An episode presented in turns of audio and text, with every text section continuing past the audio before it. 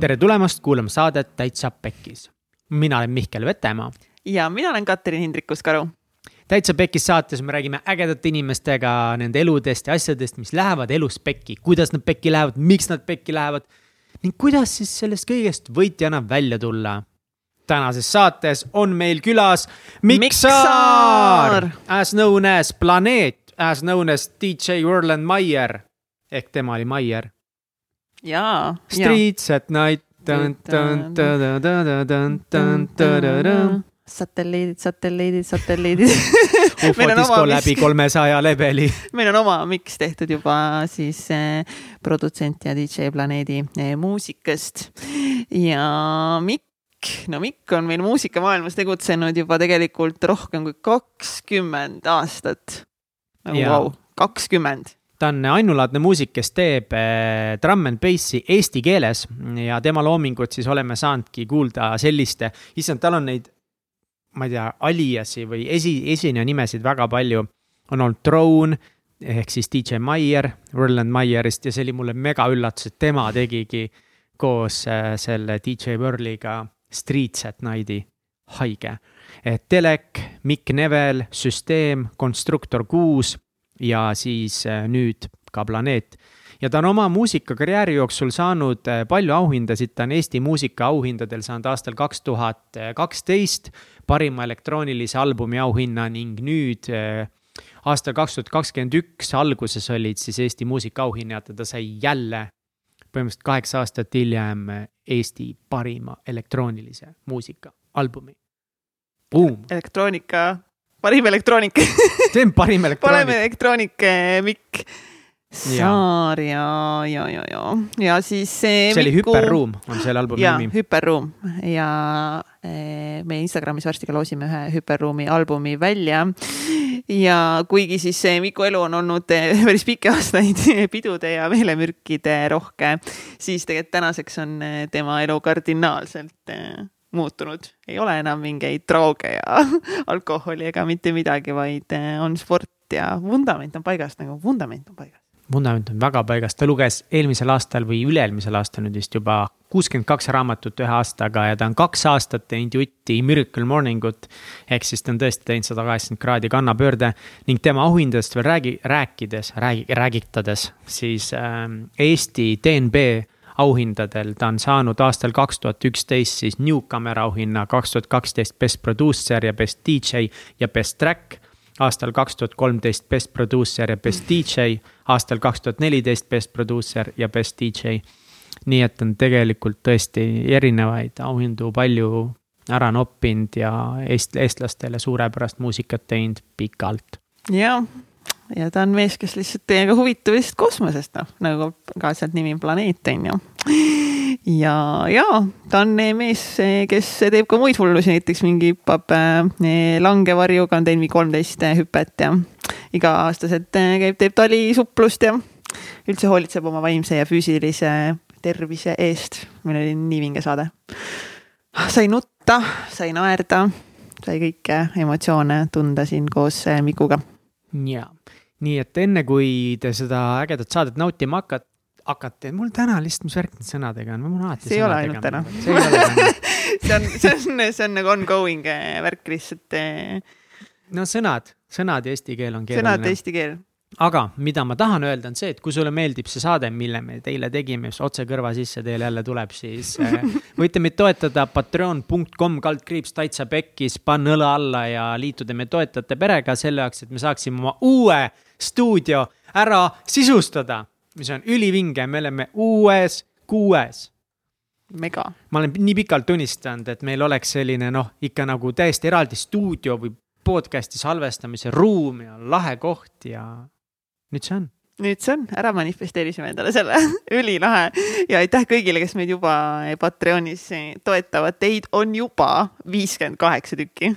Crazy. Crazy, see pere praegu kasvab täiega, nii et kui sa tahad ka meie tegemistele kaasa aidata, siis eh, patreon.com kolm punkt kom. no, no võtan seda kohe endale Miku Energiat kaldkriips Taitsa pekkis, siis seal saab anda oma energiapanuse meile ja kui sul juhuslikult on või sa töötad näiteks mõnes mööbliettevõttes või mis toodab mööblit, teeb mööblit siis eh, kirjuta meile, äkki saame mingid väiksed diilid, nupud, jutud. ja meil on mööblit vaja, meil on toole vaja, meil on laudasid vaja, meil on kappe vaja, meil on riiuleid vaja, meil on veel laudasid vaja, meil on veel toole vaja.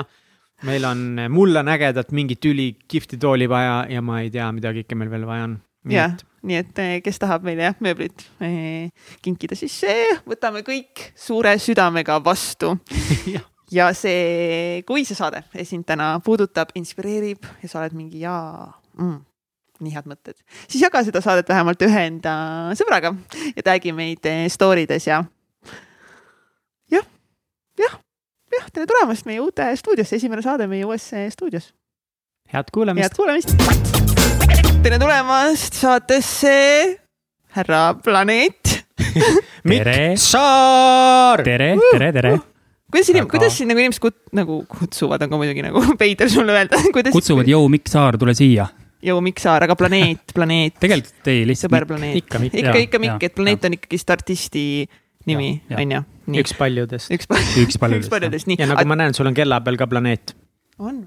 on, see oli jaa, kella see face'i sai valida muidugi. planeet siin, planeet seal, aga eh, Mikk tuli meie eh, siia, me oleme uues stuudios, by the way, by the way, intros kindlasti mainisime ka seda juba, aga me oleme nii excited, et mainime seda veel eh,. Mikk tuli meie uude stuudiosse, siis meil oli siin juhuslikult laua peal eh, noh, muidugi juhused ei ole olemas, aga eh, imede hommik eh, siis eh, Million Mindseti kirjastuse poolt Hall Elrod ja, ja Mikk oli kohe, et mingi oh my god, eh, see raamat kinda muutis su elu. jep.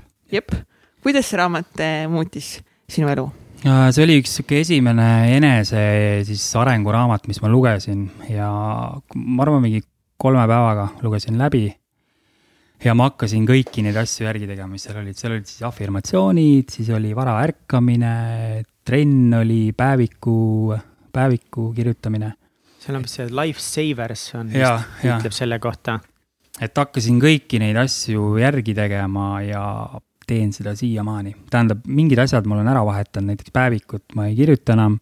ma võib-olla ärkan natukene hiljem, aga, aga hommikune trenn, afirmatsioonid ja külm dušš uh. on noh, kaks aastat minu elus wow,. iga wow. hommik. mis, mis afirmatsioone sa endale ütled?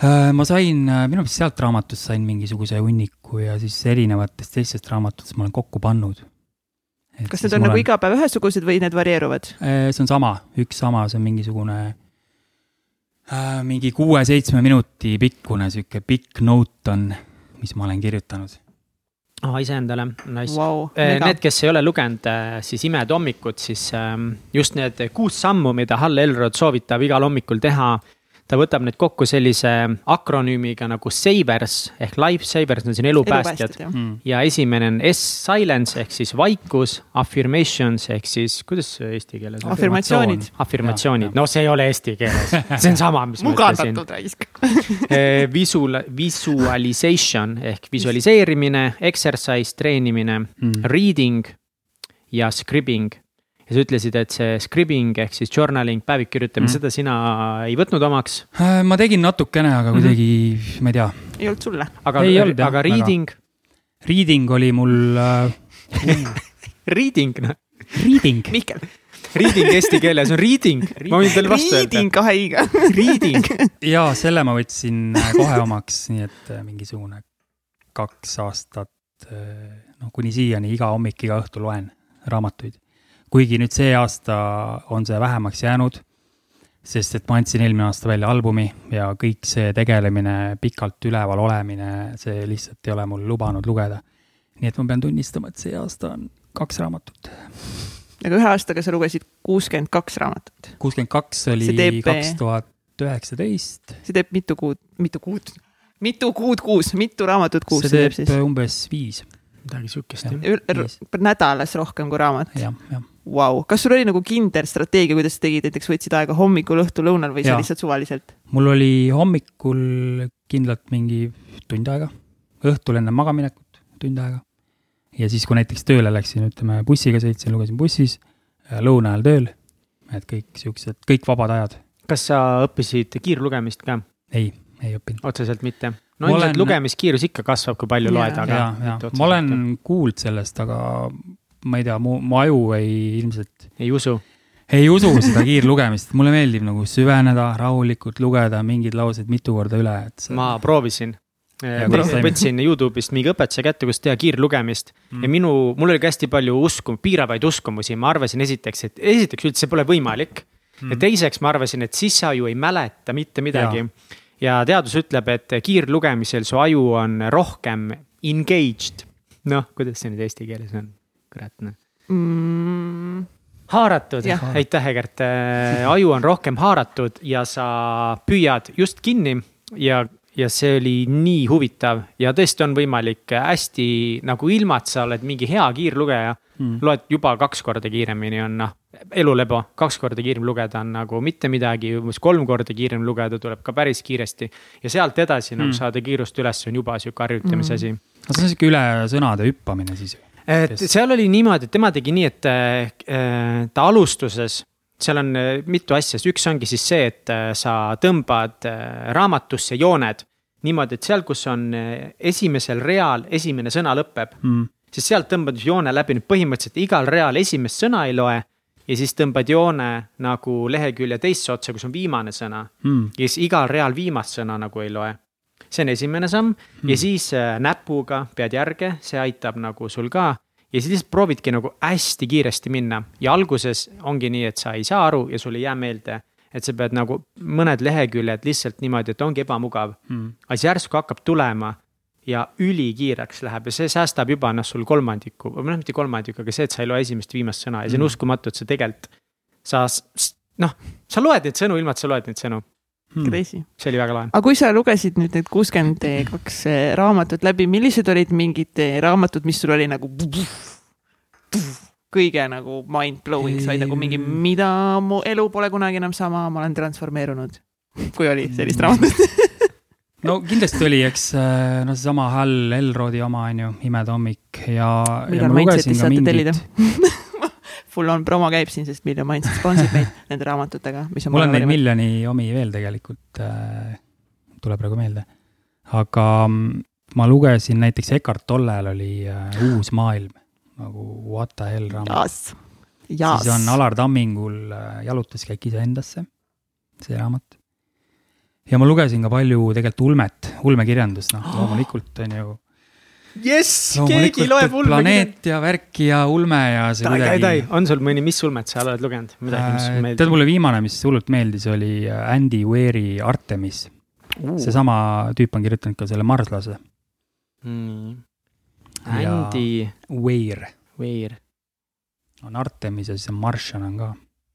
mm. -hmm, ja mis mulle veel meeldis, oli siis Artur C Clarke'i äh, Kosmose Odüsseia triloogia, mis samuti, kui sa loed selle läbi ja Mhm. vaatad selle Kubriku filmi sinna otsa, noh siis on Siis- full back. siis on full back, ma ei ole Täis veel pauke lugenud. Space Odyssey't, aga mul on praegu, mul on endal praegu käes need väga noh, ka klassika selles mõttes on see The Foundation mm.. ja. ma lugesin esimese läbi.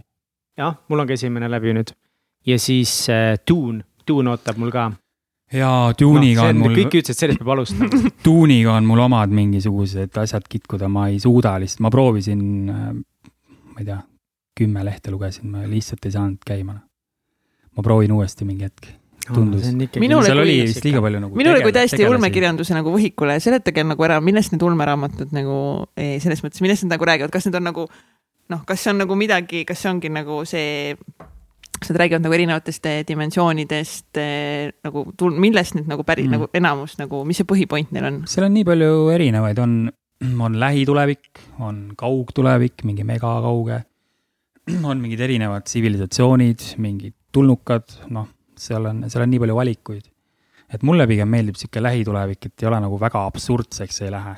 okei, mulle meeldib hästi äh, noh, nagu Star Wars raamatuna Mm. super, see, seepärast ma The Foundation mulle ka nagu mm. meeldis, sest see on nii nagu. mis on veel hea, kindlasti soovitan, on see pöidla, pöidlaküüdi reisijuht Galaktikasse. mm. -hmm. Hitchhiker's Guide. Mm. see on väga jõhker loominguline hüpe, et see, kuidas selle, selle Douglas. Adamsi mõttemaailm jookseb, on. kas sulle meeldib ka nagu see sci-fi või ka fantasy? Fantasy väga, väga mitte. mulle fantasy ka hullult Mm. meeldib, et no Lord of the Ringsid kunagi lugesin raamatutena läbi, enne kui nad olid filmidena ja siis see ma ei The ole Way, of Kings on üks hullult, hullult ma ei lahe. ole väga nagu võimalust andnud ka muidugi ma Fantasy'le. soovitan, Brandon Sanderson on üks kuulsamaid fantasy kirjutajaid Mm. mm. peale Tolkieni siis näiteks. kes saab siiamaani, tal on nii palju uskumatult head nagu Mm. need universumid, mis ta loob. see on lihtsalt, ah, see on, ah Mm. mm., miks seda universumit. ma pärast võtan selle. millised planeedid tal seal on. oi, oi, oi, oi. aga korra veel nagu selle raamatu osas, kui sa lugesid Imede hommikut, kuidas eh, sinule selle Imede hommiku rakendamine läks, kas sa mäletad ka, kuidas sa proovisid seda rakendama hakata, et lihtsalt oli üks hommik, kus sa nüüd järsku ärkasid viis kolmkümmend ülesse ja, või viis või mis see seal on? jah, vist kuus oli, ei olnud või? äkki oli Mina vist kella viie klubi ja see minu meelest oli erinev. enne, see on enne kella kaheksat hommikul, ühesõnaga. aa, ühesõnaga, ühesõnaga, et nagu ole. ise uuest vaatad jah ma kuidagi hakkasin Mhm. lihtsalt oligi kell kuus hommikul, panid äratuse ja hakkasin neid asju tegema. oli raske ka kuidagi sulle kõiki eks ikka oli algul muidugi trenni tegemine hommikul ja kõik see afirmatsioonid ja noh, see võtab aega, on ju. aga kui sa teed mingi kuu-kaks, siis sa juba harjud ära. ja kui sa teed juba kaks aastat, mm. -hmm. siis ei oska ilma elada enam.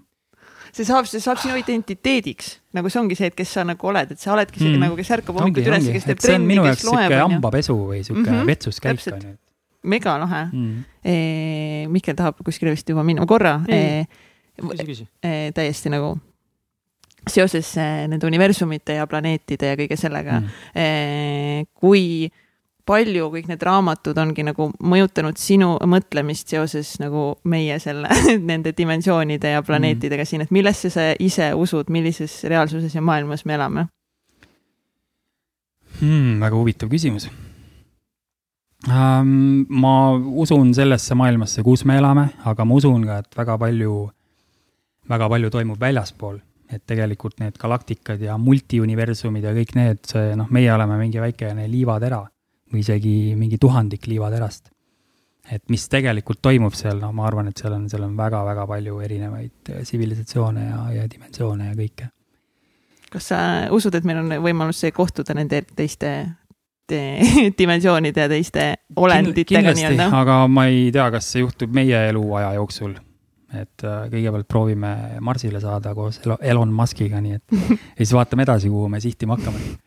aga kas sa ei usu, et näiteks, et sa enda teadvusega oled nagu suutnud ennast viima näiteks nagu mingi teistesse eh, dimensioonidesse ja seal nagu kohtuma siis eh, teiste galaktiliste olevustega?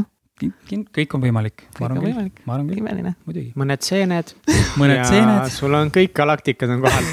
ja korraga tulid kohale. nii ilusad värvid kõik, kõik lained. räägitakse, et saab ka ilma seenteta, ei tea, Saab, veel pole saab. proovinud, aga eh, tundub mega eh, põnev, nii et eh, mul on väga hea meel, et härra planeet küll need, küll need ufod tulevad ükskord välja, noh, et siin kaks tuhat kakskümmend ja kaks tuhat kakskümmend üks, see, mis siin kõik toimub, noh, ufod ongi puudu veel.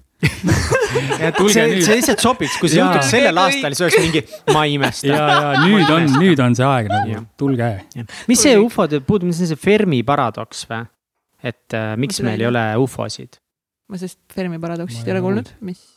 ta nagu, nagu ongi probleem ongi selles, et nagu, et, et kui oleksid ufod, et siis me oleks pidanud juba neid nägema ja kui ufosid ei ole, et äkki neid ei olegi, äkki me olemegi täitsa üksi ja ma ei mäleta, see on hästi põnev, kõigi nagu huvitab Mm. Kuidas nagu scientific community on, on erinevaid, on erinevaid teooriaid Mm. mm. tegelikult on. et kus need ufod siis on või ei ole, selle peale on hästi palju mõeldud ju väga-väga targad inimesed on kokku pannud nagu jõudnud kokkuleppele, et mingi tead, mingi kuus erinevat teooriat on, mis on nagu kõige tõenäolisem, meil on kõige rohkem nagu tõepõhja all. ja seda on põnev, põnev lugeda neid, ma ei mäleta neid peast, ma kunagi vaadanud neid, aga ma olen nüüd kogu aeg segamini. väga põnev, väga põnev. kõige lihtsam on see, et me ju kõik oleme tulnukad. nii et no kellegi te,, kellegi teise jaoks me oleme tulnud. jah, kõik olemegi ufod. jah, me oleme ju üks ikkagist. ja üks kõva disko käib siin. ja kui me teeme tantsime, siis see on ufodisko. jah, jah, absoluutselt, no nii. aga rändame ajas siis eh, sinu elu algusesse mm.. räägi meile oma lapsepõlvest. ma olen siinsamas Tallinnas üles kasvanud, kus kandis, kus kandi mees? kesklinna tüüp, tegelikult äh, kesklinna tüüp täpselt niimoodi, et äh, minu maja tagant jookseb kesklinna piir. nii et ma olen täpselt seal kesklinna sees. aga jaa, ma olen siin üles kasvanud kahe vanema vennaga, isegi paar aastat vanem ja vanemad. ja mul oli väga lõbus ja tore lapsepõlv, et sai kakelda ja naerda ja nutta ja, ja kõike teha. Ja, ja vanemad olid väga hoolivad ja armastavad ja, ja me elasime tegelikult sihukeses kohas, kus noh, kesklinnas, aga meil oli bassein, meil oli suur bassein hoovi peal. ja me saime siis terve lapsepõlve käia ujumas ja noh, Ülemiste järve kandis on, on see asukoht. ja saime terve lapsepõlve käia basseinis ujumas, Ülemiste järves ja siis seal olid mingid tiigid veel kas vanasti Ülemiste järves ujumas käia või? no tegelikult ei ole seal kunagi tohtinud, aga aga siis see oli kuidagi leebem läbimurde? see kuidagi leebem, et seal me nende turvameestega saime läbi, need, kes tegid seda metsakontrolli kogu mm -hmm. aeg, et siis noh, aeg-ajalt viidi ka ära, aga ma ei tea, eks me mingi, mingi ajaga nad ei viitsinud enam. It, las need, las need tüübid ujuvad väga lahe mm.. aga kas selle korterelamul oli bassein siis lihtsalt või, või mis? see on tegelikult, kuna seal kõrval on veepuhastusjaam, siis see oli nagu siukene, ma ei tea, mis seal tehti kas sa oled kindel, et see oli ujumisbassein, kus sa ujusid? ta, ei ole ujumiseks mõeldud selles, aga ta oli väga sihuke suur, äh, ütleme no, rinnuni, rinnuni. sealt sai alguse need planeedid ja kõik, mis asjad seal ujusid mm. -hmm. ma ei tea jah, mille sees me ujusime. mille sees te ujusite täpselt? et see vesi ei helendanud nii palju, kui ma mäletan. galaktilises vees nii mm. okei okay. ehm,, sinu kallis elukaaslane Riio kirjutas Shout meile. Shout out to Riio. ja aitäh talle, tema on väga Mega. suur põhjus ka, miks kõik tänased asjad siin tema ongi on. see ainuke põhjus, miks ma siin olen ja seda ise pole üldse nagu oluline, Riio, Riio aitäh sulle. ja ta kirjutas, et sulle väga meeldis ujumine, et te olete ka teinud endale korterisse kunagi basseini jah, sealsamas, eh, kus me elasime, siis me last väiksena tegime niimoodi, et eh, meil olid köögis siuksed hästi-hästi kõrged uksepiidad. Ja me panisime, panime siis sinna ukse äärtesse, panime rätikud ja kui vanemad olid kodust ära läinud, siis me lasime köögi ääreni vett täis, triiki. no nii palju kui sai. köök, köögi lasite täis? jaa, köögi lasime vett, vett ääreni täis ja siis me hakkasime seal. ääreni, oota, mis ääreni ütleme kõrge uksepiidani, noh, need olid seal mingi, ma ei tea, kolmkümmend, nelikümmend senti uksepiidad. lasime vett täis palju. ja siis hakkasime pommi hüppama aga kas, aga kuidas te vee ära saite sealt? oi, ma ei mäleta, see kuidagi, kuidagi sealt läbi põranda saadi see keldrisse või pumbati välja või ma, ma ei tea siuksed basseiniveod, kuulge rahvas, rahvas. vormdušer. enne kui see oli kuum. see oligi mu vormdušeri eelkäija mm. -hmm. Nice. aga mis sa tegid ja. veel äh, väikse lapsena, kas sul siis oli juba mingisugune, mingid lemmikvaldkonnad või teemad, mis sind kõige rohkem huvitasid või lihtsalt äh, avastasid maailma? väiksena ma olin siukene korvpalli, korvpallilaagris käisin ja, ja ujusin seal ja mängisin kossu ja et sihuke üsna, üsna sportlik mm. ja noh, mingid, ma ei tea, kas ega väga, väga palju hobisid ei olnud, oligi sealsamas, äh, mängisime ringi ja möllasime järve metsas, käisime järve ääres. vahepeal käisime, otsisime mingit äh, järve metsast mingeid vanu sõjaasju, mis olid sinna maha maetud näiteks. et sihuke väga, väga huvitav. no kuidas see muusika esimest korda üldse sinu ellu tuli sellisel sügavamal moel äh,? muusika tuli tegelikult äh, ütleme kõige tugevamalt äh, minu naabri kaudu. sest minu naaber oli niisugune, noh, ta oli viis aastat umbes vanem must ja ta kuulas hästi palju elektroonilist muusikat mm. ja ta kuulas seda nii valjusti, et äh, see kostus läbi, äh, siis läbi teise paraadna, mina elasin teises paraadnas, tema elas siis äh,, ei tähendab, mina olin esimeses, tema oli teises ma olen sõna paraadna kuulnud palju, mida see tähendab? trepikoda. trepikoda, jah. ongi trepikoda. aga see on nagu rohkem sihuke mingi, tegelikult mingi Lasnahuudi värk ja sihuke nagu mingi vene keelest on võetud ja paraadna. okei, davai, davai, davai. et tema kuulas tohutult palju seda muusikat ja noh, eks me seal ajaga saime sõpradeks ja, ja, ja siis ta hakkas mingi hetk mind reividele viima. Koos käisime reividele. millal ta hakkas sind reividele viima? siis, kui ma olin äh, neliteist, viisteist ikka väga noorelt mm. kas see, see oli noh, nagu lubatud neljateistaastastele mingitele reimidele sisse mitte. saada aga seal äh, ma ei tea, kas ma, noh, ma ei näinud küll vana välja, aga, aga tollel ajal olid need reeglid natuke leebemad ja, ja õpilaspileti võltsimisoskused olid ka väga, väga tugevad, nii et ma, ma arvan, kõik oleme teinud seda nõelaga, kraabime numbri maha ja. ja olen. muudame ära ja siis saame peole kuhugi see oli megalebo. aga ma, mina sain mingilt sõbralt tema vana vist selle ja pani lihtsalt kleepsin oma pildi asemele või mingi mm. sihuke oli ka oh,. see tundub veel lihtsam nagu. ja väga lihtne oli, pani lihtsalt oma pildi sinna. ja tollel ajal ju peokorraldajad tegelikult tahtsid kõik raha teenida ja noh mm -hmm., miks nad saadavad mingid kümme alaealist minema, kui saaks nagu head plekki teenida. aga kas kümne alalise pealt teenib head plekki või? no piletiraha saad. Nojah, noh, asi seegi. jah, asi seegi mm. -hmm. saab artistid ära maksta. aga milline see naaber oli? milline inimene ta oli? naaber oli tegelikult äh, suhteliselt sügavas augus enda eluga ja ta oli süstiv narkomaan. süstiv? süstiv narkomaan, jah nii et kui me tema juures külas käisime, muusikat kuulasime, juttu rääkisime, siis oli olukordi, kus äh, tema siis tarbis mingeid aineid ja vahepeal süstis ja, ja vahepeal palus siis ka meil kätt kinni hoida, et hoia kinni, ma saan, et ma saaks süstida. et oli ka siukseid olukordi ja noh, ma olin neliteist, viisteist, et see ei ole just kõige sihuke ägedam pilt. Aga kuidas sa suhtusid sellesse, kuidas sa nägid seda, kas sul oli nagu mingi, aa, et see on nagu mingi fine ja mingi davai, ma hoian su kätt ja äh,? mul on eluaeg olnud millegipärast nõelade vastu foobia, nii et see, see pilt ei olnud mulle meeldiv, ma alati vaatasin eemale ja, ja tegelikult mu vanemad on teinud väga-väga tugeva töö siis rääkides nendest noh, mis võib juhtuda, mis võib, mis võib saada, kui sa hakkad seal midagi tegema, et see hoidis tegelikult mind eemale sellest, et ma ise teeksin mm,. Oh, ei olnud kiusatust kordagi noorena sellel ajal, et äh, prooviks või teeks ei, või? ei, ei, selle, selle, sihukesel moel mhm. kindlasti mm -hmm.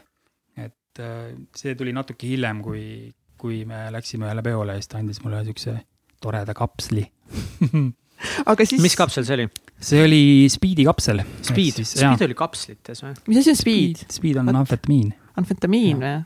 amfetamiin on seda, mida vist tarvitati ka sõja ajal tegelikult, et sõdurid ei läheks magama. ja šokolaadi sees oli mingi räiget amfi ju Saksa sõduritel ja. rõve aga nagu see, see oli ka ainuke põhjus, miks Saksa armee suutis ka nagu päev üleval olla ju, nad olid tohutus mm. amfi. no ma ei tea, kas no, tohutus üledoosis, aga. sa võid mingi seitsekümmend kaks tundi nagu tuimalt üleval mm -hmm.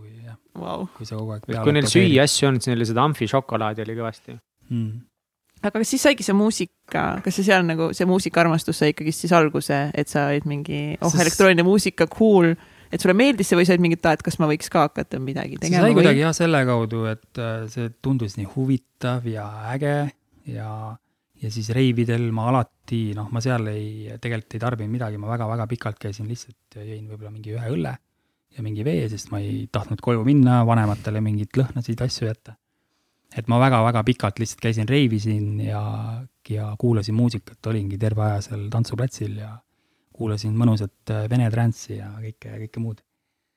vinge. et see, see oli jah, sihuke muusikaaeg, aga, aga üks olulisemaid äh, pidusid minu jaoks oli äh, üheksakümmend kaheksa aasta Prodigy kontsert Linnahallis ja seal teda, Prodigy't soojendas siis äh, Raul Saaremets, kes mängis siis kõige värskemat ja ägedamat trummi ja bassi.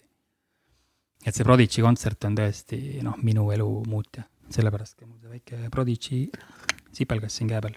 kas see sinu ema ostis sulle selle pileti või äh,? ema ostis pileti ja, ja ma mäletan, kui see kontsert läbi oli, siis jagati skuutriflaiereid ja siis äh, mul isa tuli järgi ja siis ma näitasin talle, kuule, ma tahan sinna ka minna. ja siis me läksime tollel, noh, vist seda Statoili polnud, mingisugune tankla. Läksime läbi, ostsime skuutripileti ka kohe, põmm. kui lahe. nii et äh, mingisugune kuu vist hiljem oli kohe skuuter, skuutrikontsert, noh, see oli siis see, mis nende album oli, Our Happy Hardcore. ei, ei tea. näemegi. Äh, aga kas, milline oli sinu enda nagu muusikaline mingi ettevalmistus või haridus või kogemus sinu peres või et kas äh, õppisid siis ka muusikat kuskilt või kuidas see veel nagu? ma ei ole kunagi muusikat õppinud ja, ja minu suguvõsas on ainuke muusikaga seotud on, äh, onul oli kunagi või vanaonul oli klaveritehas, Karl Saare klaverid. see on ainukene niisugune muusikaga seotud, aga no võib-olla loomingu koha pealt mul, äh, mu vanaisa oli niisugune, niisugune insener, leiutaja, lendur, et siis võib-olla see loomingu osa on nagu tema poolt tulnud. Aga see muusika, jah, ma olen ise kõik enda jaoks selgeks teinud, äh, ma väga varase, varajaselt hakkasin arvutit kasutama, hakkasin erinevaid programme õppima, hakkasin koodi kirjutama, nagu kõik see oli nii, nii hullult põnev. kuidas see, kuidas siis sinu esimesed nagu muusika tegemise kogemused, mäletad mm., kuidas see oli, et nüüd, kui sa olid seda elektroonikat kuulnud, issand, kui lahe, kuidas see algas, et sa hakkasid proovima ise midagi teha? Äh, see oli siis, kui mul tegelikult üks perekonna tuttav äh, tõi flopi diski peal äh, üks koma nelikümmend neli megabaiti, ma ei mäletate tänapäeval ma arvan, iPhone'i pilt vist on isegi mingi kolm-neli või jah, mm.. et tõi see, tõi muusikaprogrammi ja seal oli ka paar lugu siis peal. ja, ja kui ma selle programmi lahti tegin ja seal ühe loo avasin, siis tõesti see, see imestus ja see, see mind blown efekt oli, kui sa saad erinevaid instrumente lugudel kinni panna.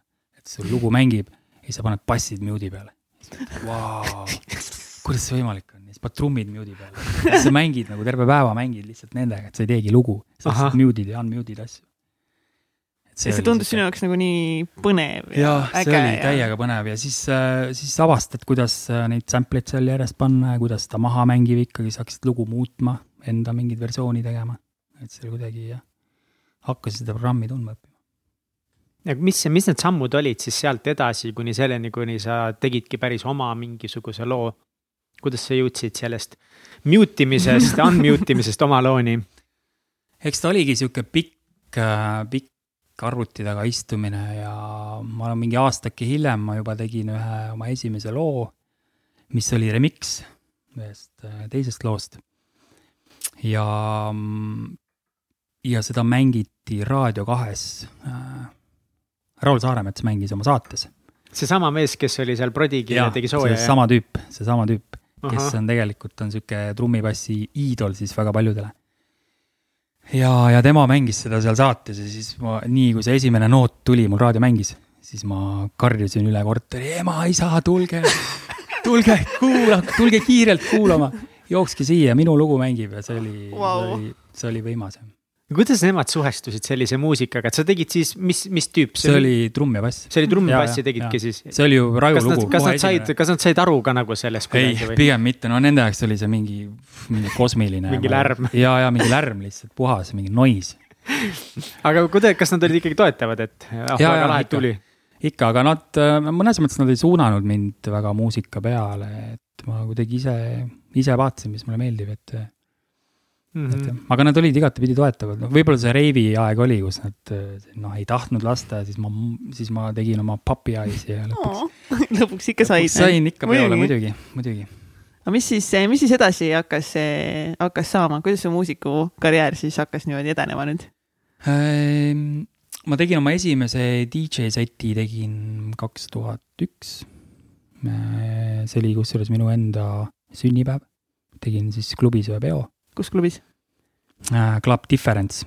see oli äh, Lubja tänaval Mendi jaoskonna kõrval. oli ka tol õhtul oli väike Mendi reid, aga ära ei viidud. aga see oli mu esimene DJ set ja, ja siis tegelikult mingi pool aastat hiljem olin ma juba äh, Pühajärve Beach Partil Infinity Dance Clubi telgis mängisin seal, ma ei tea, palju inimesi oli seal, mingi viissada tuhat. Vau, et sihuke üsna, üsna kiirelt läks jah, aga mis sinu esineja nimi siis oli? siis oli Drone, Drone, Drone, jah. Drone. Drone. okei, aga see Pühajärve Beach Party, see oli äh, sinu tervise mõttes äh, päris karm pidu sulle. räägi sellest äh, seigast. Äh, Pühajärvega oli jah nii, et see mm, fester sai läbi ja me jäime bussist maha. ja tol õhtul oli mingi räige padukas ja, ja me olime läbimärjad. ja meil ei olnud kuskil vist ööbida ja siis me läksime mingi sõbra telki ja ma olin, noh, ma olin läbimärg ja öö läbi ma värisesin, lõdisesin. ja siis tekkis palavik mingi hetk ja, ja auto tuli või noh, kutsusime auto järgi ja läksime linna ja, ja see palavik läks nii hulluks, et ma vist hakkasin allukaid nägema, asju ja siis viidi haiglasse ära. Ja haiglas siis äh, ma olin nädal aega mingisuguse vale diagnoosiga, mingi gripp, umbes, ma ei tea, joo teed ja võta mingit paratsetamooli ja läheb üle.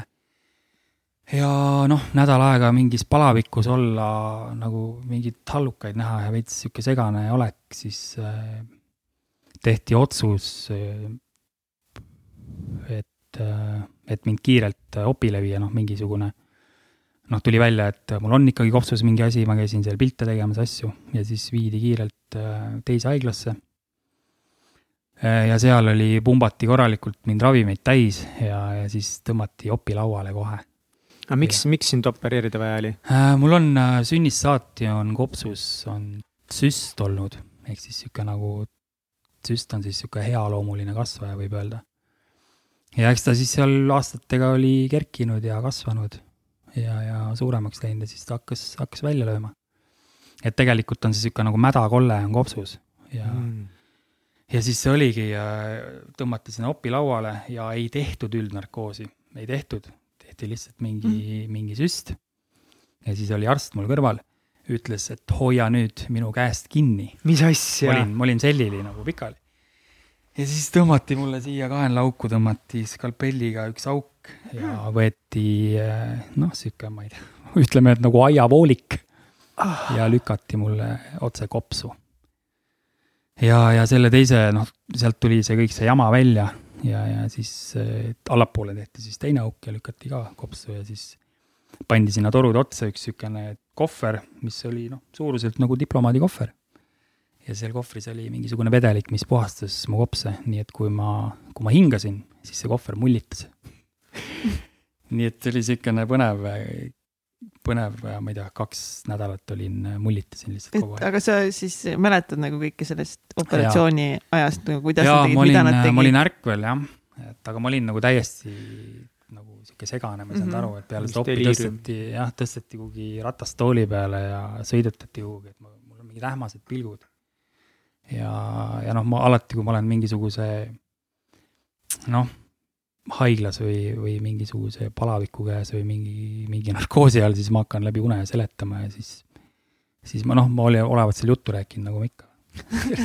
Arstidega juttu rääkinud, et tegelikult kui, kui siis kaks nädalat hiljem oli see nagu päris op, et siis ma olin seal opil, olin vist, ma ei tea, kas üles olin ärganud, aga vist silmad lahti teinud olid mingid seda ühte, ühte arsti välja hakanud kutsuma, et kuule, tule, et lähme sööma või midagi, nagu isegi sebima selles mõttes. aga sa kaks nädalat siis pidid olema kõigepealt ja. selle kastiga, mis sinu kopsest mädast puhastas. ja, ja, aga mis operatsioon siis sulle teha vaja oli? siis oli ilmselt vaja, vaja see kõik nagu välja opereerida sealt, see oh ma ei tea siis, kas need surnud rakud või, või see surnud osa nii-öelda, mis siis võib-olla ei, ei taastunud või noh, ei tahtnud ise taastuda. et see oli vaja kõik sealt välja saada ja tõmmati no pool selga lahti, mul on nagu niisugune mm, noh, samurai niisugune mõõgajälg on siin selja taga, tõmmati ikka korralikult lahti ja. näita palun. näitan? jah. ossa, on, on näha wow.. oi plää see on sihuke kohe sõja, sõjaarm. tõesti täpselt nagu mõõgaga oleks keegi tõmmanud jah, aga mis nad sul siis, lõikasidki sul pool kopsu välja? no nad lõikasid siin selle ülemise osa välja, noh, ma arvan, et see jah, ikka sihuke pool oli. kuidas see on mõjutanud nagu sinu mingi hingamist või trenni või kõike? jaa, eks ta siiamaani on, ma, ma tegelikult terve elu olen nende astmapiipude küljes olnud.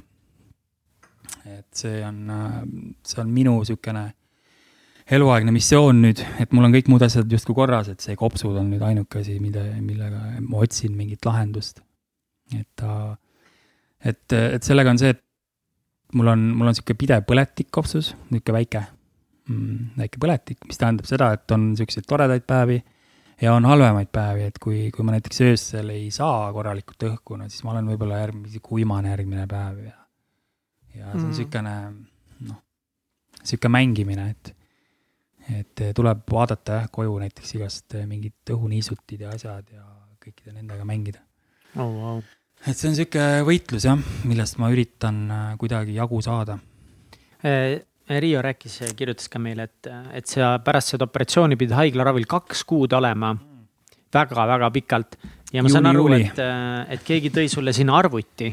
jaa, mu vanemad tõid tegelikult, ma arvan, mingi nädal peale oppi tõid mulle arvuti, sest mul ei olnud mitte midagi teha mm. -hmm. tõid mulle selle arvuti, aga arvuti ei, ei tähenda nagu tänapäeval, et võtad läppari sülle, et see oli nagu full kast ja full suur kineskoop ja see pandi sinna kuhugi laud pandi püsti ja siis seal ma produtseerisin ja õppisin seda pro programmi veel mingi, no mingi poolteist kuud. et väga-väga pikalt et jah, huvitav, haiglas äh, väike oma stuudio kas sealt siis äh, sündis mõni, mõni lugu ka või? seal ma tegin mingi viis lugu oh,. Wow. jah, jah. viis lugu, aga ma ei ole neid, need mingis trummipassi ringkonnas kunagi liikusid, aga ma ei ole neid nagu välja andnud. palati on väga hea nagu albumi nimi. jah, et need on, need on mul olemas ja, ja täiesti okeid lood on. no Jah. miks, miks mitte, on ju, aga pärast seda sinu ikkagi muusikukarjäär kasvas. Mm. kui kaua läks nagu aega, mis sa vahepeal tegid, enne kui teil tekkis see tandem DJ Worland Maier? Ehm, ega see oligi, see trummipassi aeg oli, ma käisin mängimas, tutvusin uute inimestega, kaasa arvatud siis äh, DJ Whirliga, kes tegelikult äh, ka tegi trummi ja bassi algul. ja mis me sattusime ühele peole, seal hakkasime juttu rääkima ja järgmine asi olimegi minu meelest tema juures, juba produsime, rääkisime juttu, jõime õlut, nagu kõik asjad, et see niisugune üli, ülikiirelt tegelikult käis. mida sa oma elus muud tegid sellel ajal, kas sa siis õppisid kuskil, olid sa tööl kuskil või kuidas see elu Äh, välja siis nägi? oli mul, ma just olin kooli lõpetanud, üheksanda olin äkki lõpetanud, isegi nii noor. jah. üheksas oli läbi, siis oli äh, õhtukooli läksin, kukkusin välja, läksin teise, kukkusin välja miks? ähm,. ma ei tea, peod, asjad, kõik need äh, segasid kuidagi. siis sa panid ikka päris palju pidu ja siis juba hakkas see, see korralik pidude hooaeg pihta, jah. mm. -hmm. ja kuidas su vanemad nagu suhestusid sellega, et sa nii palju pidu panid õhtukoolides, ei saa hakkama või ei käi kohal või mis iganes see põhjus Äh, no oli? selle kooli koha pealt võib-olla vanemad äh, olid natuke leebemad, et nad ei, nad eks mingi hetk nagu torkisid ja siis nad said aru, et okei okay,, noh, mul ei ole, meil ei ole mõtet siin nagu, nagu nii hullult pinda käia, et las ta siis teeb oma asja ja, ja kuidagi andsid alla või, või, või andsid mulle vabad käed, et noh, tee siis, kuidas ise arvad, et, et kui sa nüüd tööle ka kuhugi lähed, et siis hakkad üüri ka maksma ja jah, ma läksin kuhugi, no mingisugune tavaline laotöö ja olin seal vahepeal, tegin asju ja mm. -hmm. ja siis oligi äh, noh, mingi hetk siis tegime selle Võõla Meieri. Ja tegime siis äh, väga tugevad lood, mõned. täiesti nagu noh, keegi ei tea neid lugusid, nii et äkki Egert saab panna siia eh, natuke pärast meile Streets at eh, Night'i. ja Mm, mm, tegite mm. Streets at Night'i.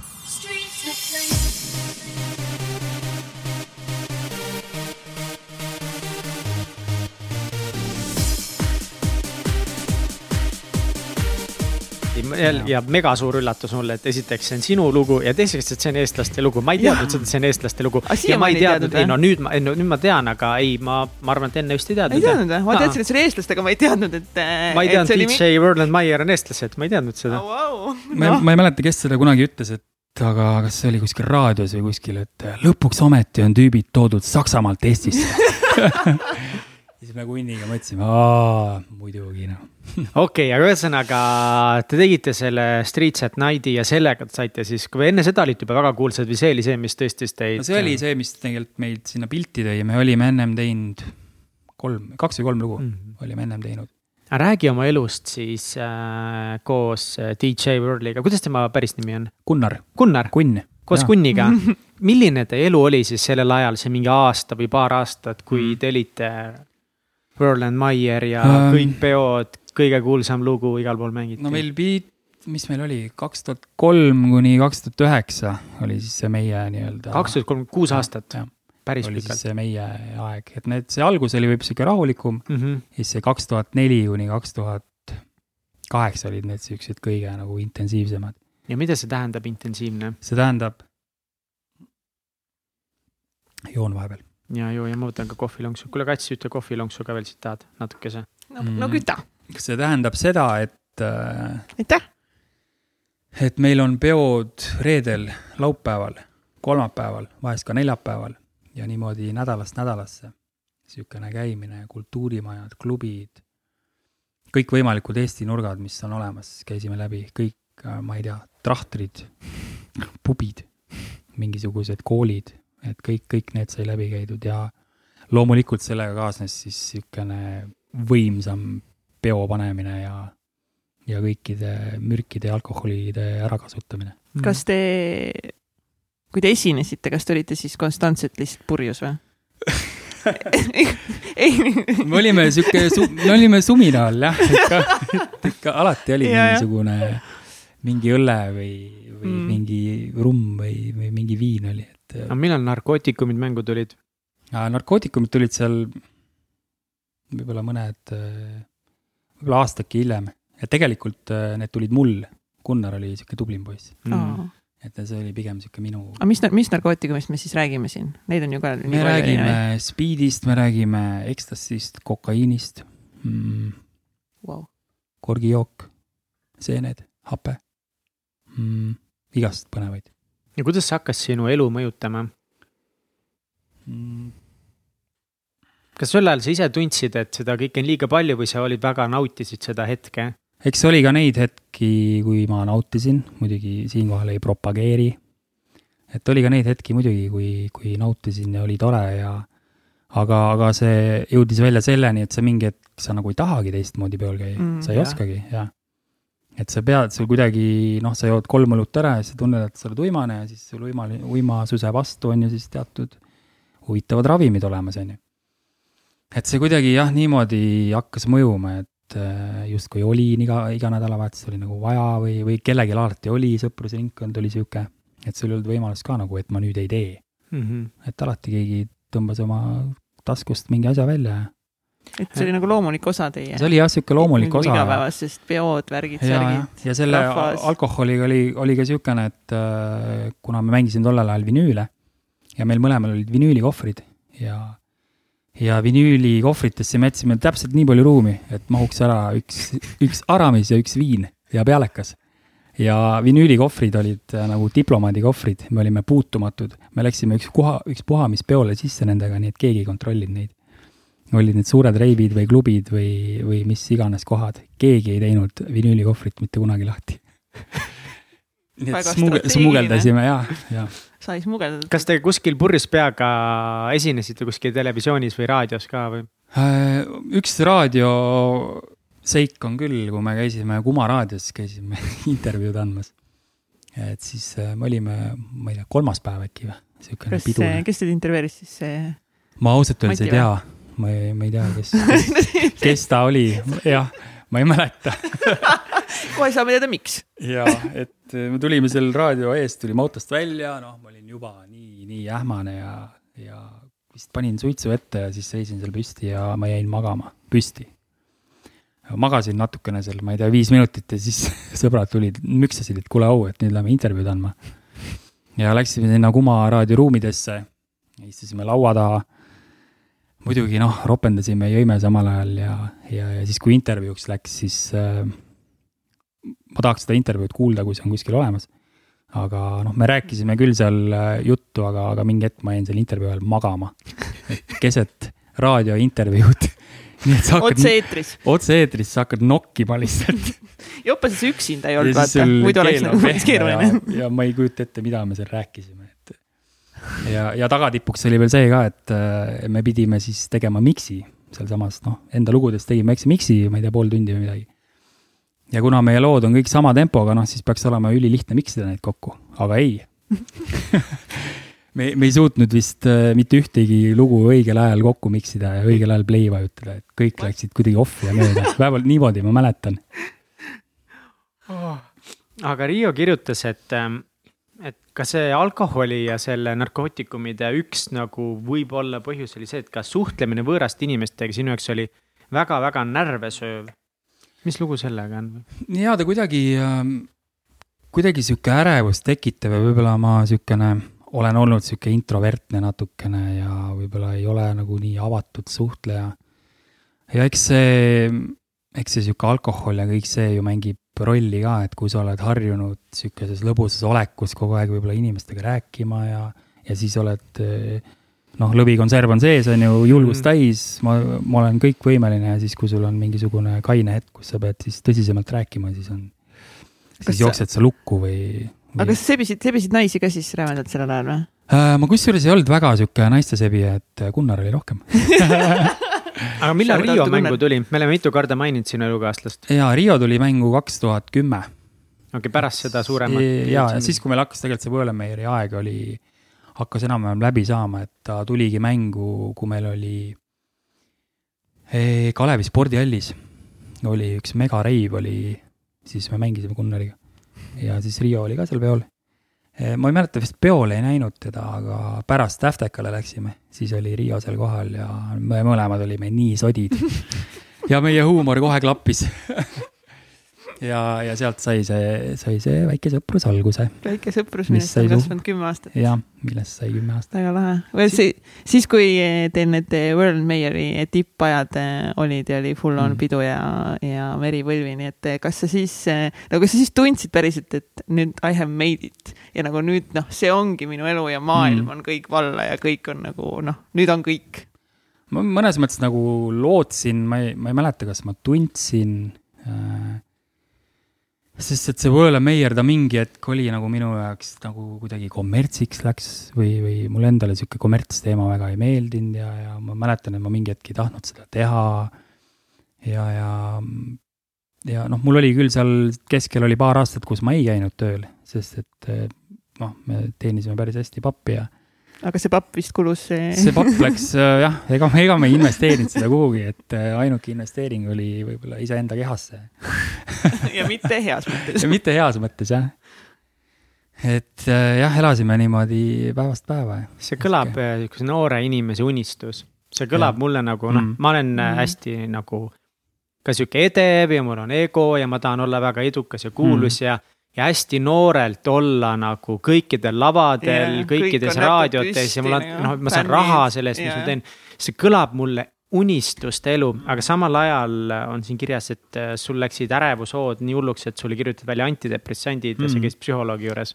ja mul see on nagu väga suur clash. ja, ja eks see tekkis ja sellest väga-väga pikast äh, pidutsemisest ja, ja narkootikumid ja kanepid ja spiidid ja kõik need nagu korraga.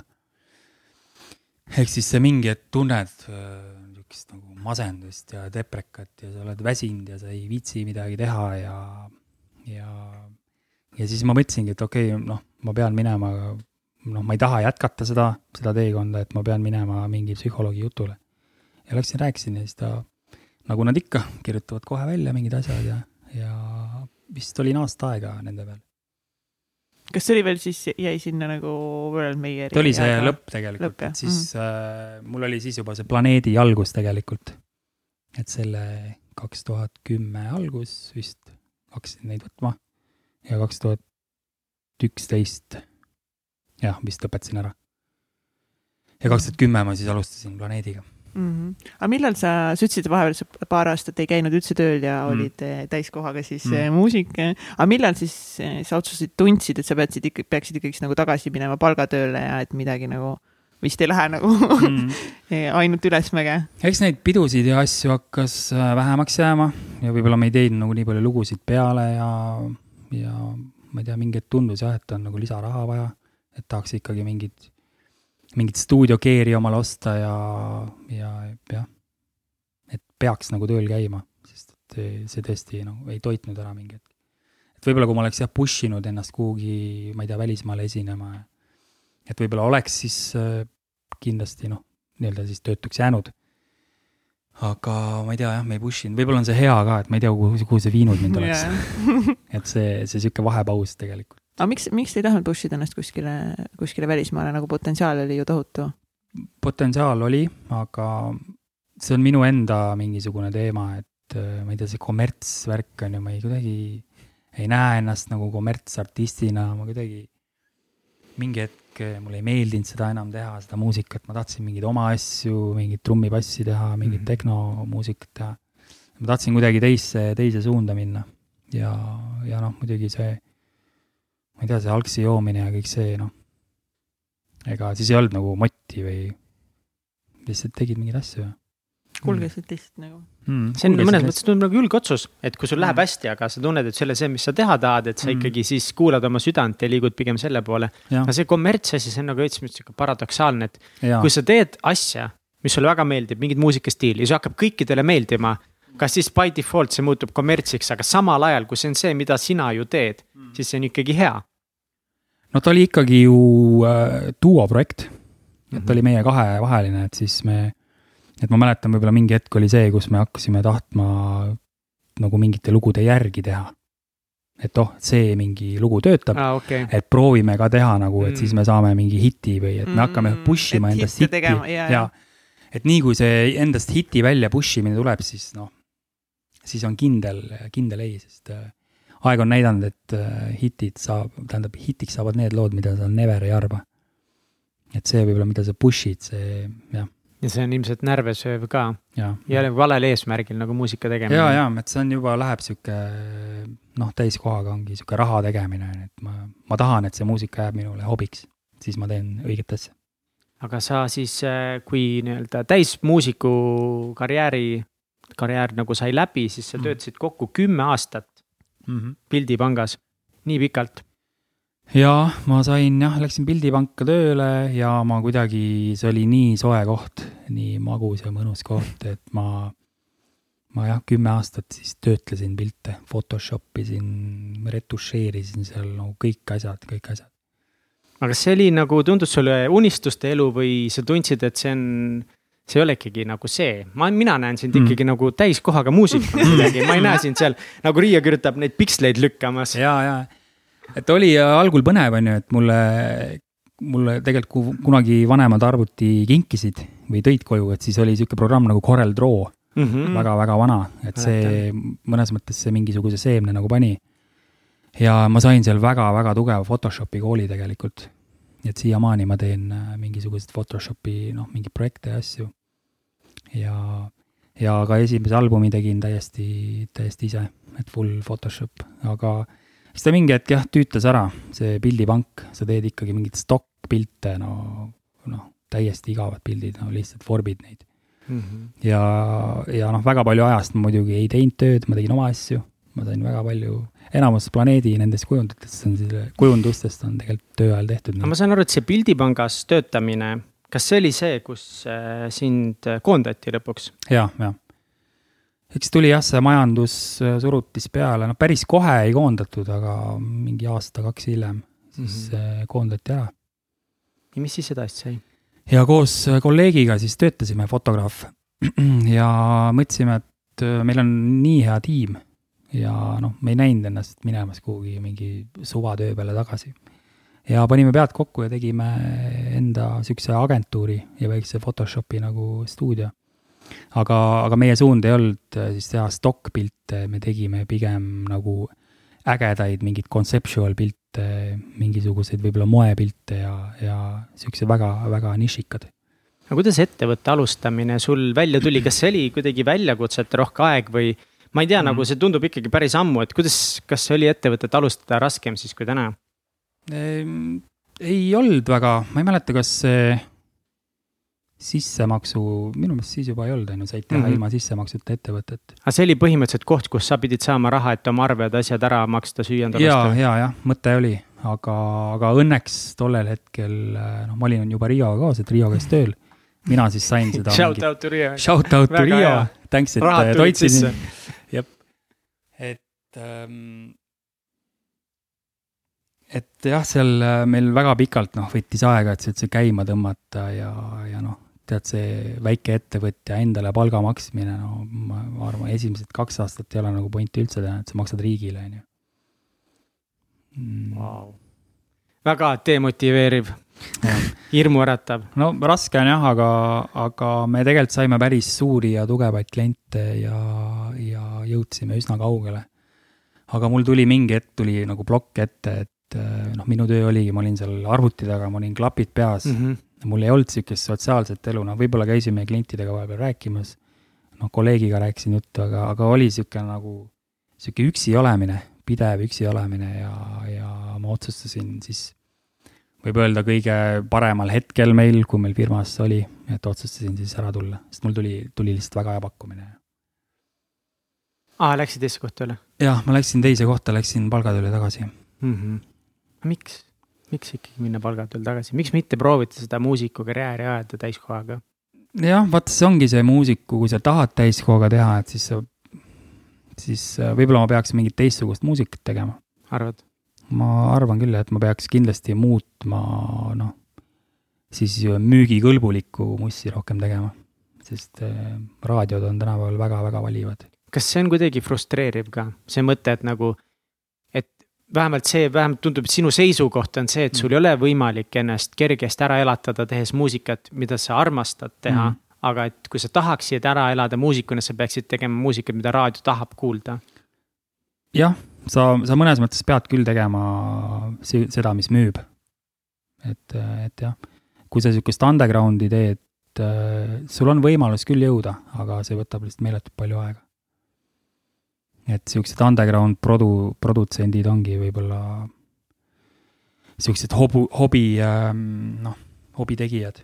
aga sa käiksid tööl, kui sa saaksid äh, raha ainult, et ainult selle muusika eest, mis sulle endale meeldib teha. ja sul ei ole nagu kohustust äh, mingeid hitte teha, nüüd ilmselt mitte, nagu ei, ei käiks jah. ei käiks jah Jah. et mu, tegelikult mu mõtted on seal suunas mm? -hmm. ja, ja ma olen mingisuguseid lükkeid teinud selles suunas.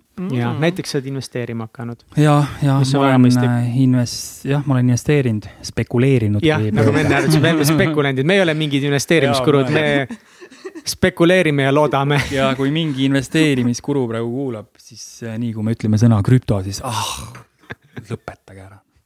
spekulandid. aga sinul on krüptovaluutadega hästi läinud, ma saan mul aru. on äh, hästi. Nice.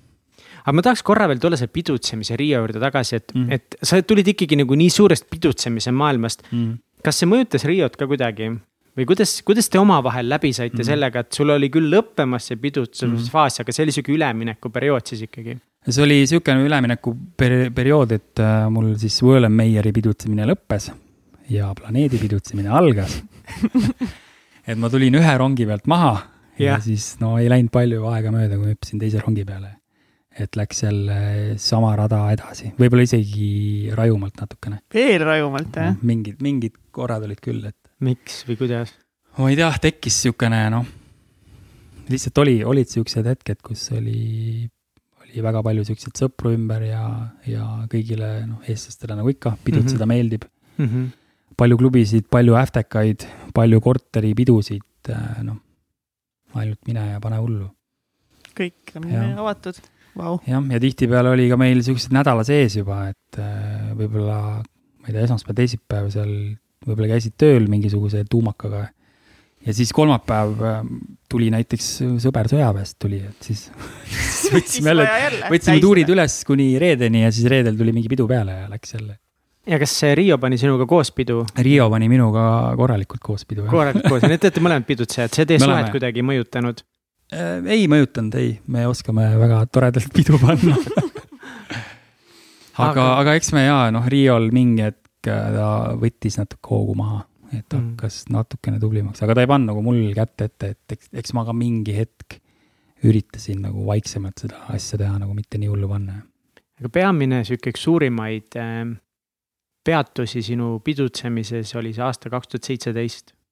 ja, ja. Räägi sellest meile. no mul tegelikult ütleme, kaks tuhat seitseteist algus oli, noh, ma hakkasin juba kuidagi vaikselt mingeid asju vähendama äh, enda elus, noh. suitsu, ma ei tea, tegin nädalavahetuseti härra kopsuhaige. ära kopsuhaige, täpselt. sul on kopsud haiged ja sa teed tobina, palju õnne. aga, aga ma hakkasin jaa vaikselt kuidagi äh, sealt rongi pealt nagu maha tulema ja noh, tervise peale mõtlema ja, ja vanus oli ka sihuke juba, et noh, kaua ma, kaua ma jaksan. ja kaks tuhat seitseteist lõpp, noh, peaaegu detsember oli siis see moment, kus äh, kuna mul ema elas Soomes kümme aastat, siis ta tuli külla ja ma ausalt öeldes ei tundnud ära teda, ma ei olnud teda noh, mingi pool aastat näinud, aga, aga me rääkisime kogu aeg telefonitsi, no üle päeva kogu aeg, kogu aeg ikka räägime.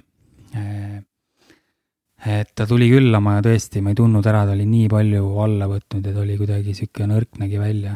Ja, ja ja siis me hakkasime jah uurima, et mis, mis värk on, et oli varjand tegelikult meie eest noh, mingisugune üle poole aasta, et tal on, on haigus.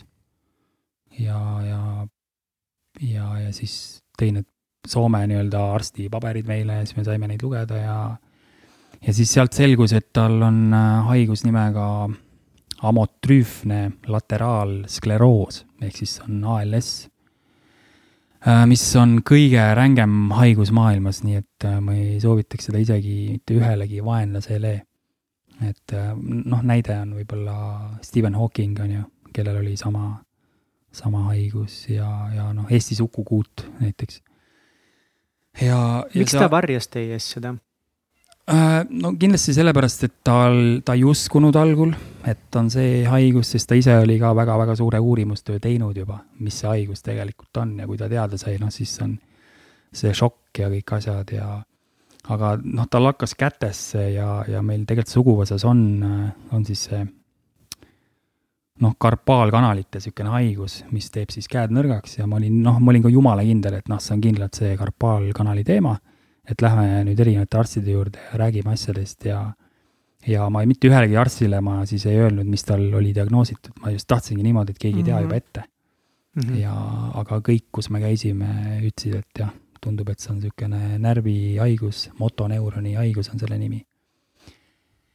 ja mis see haigus teeb, on see, et ta, ta lihtsalt suretab su keha nagu step by step välja.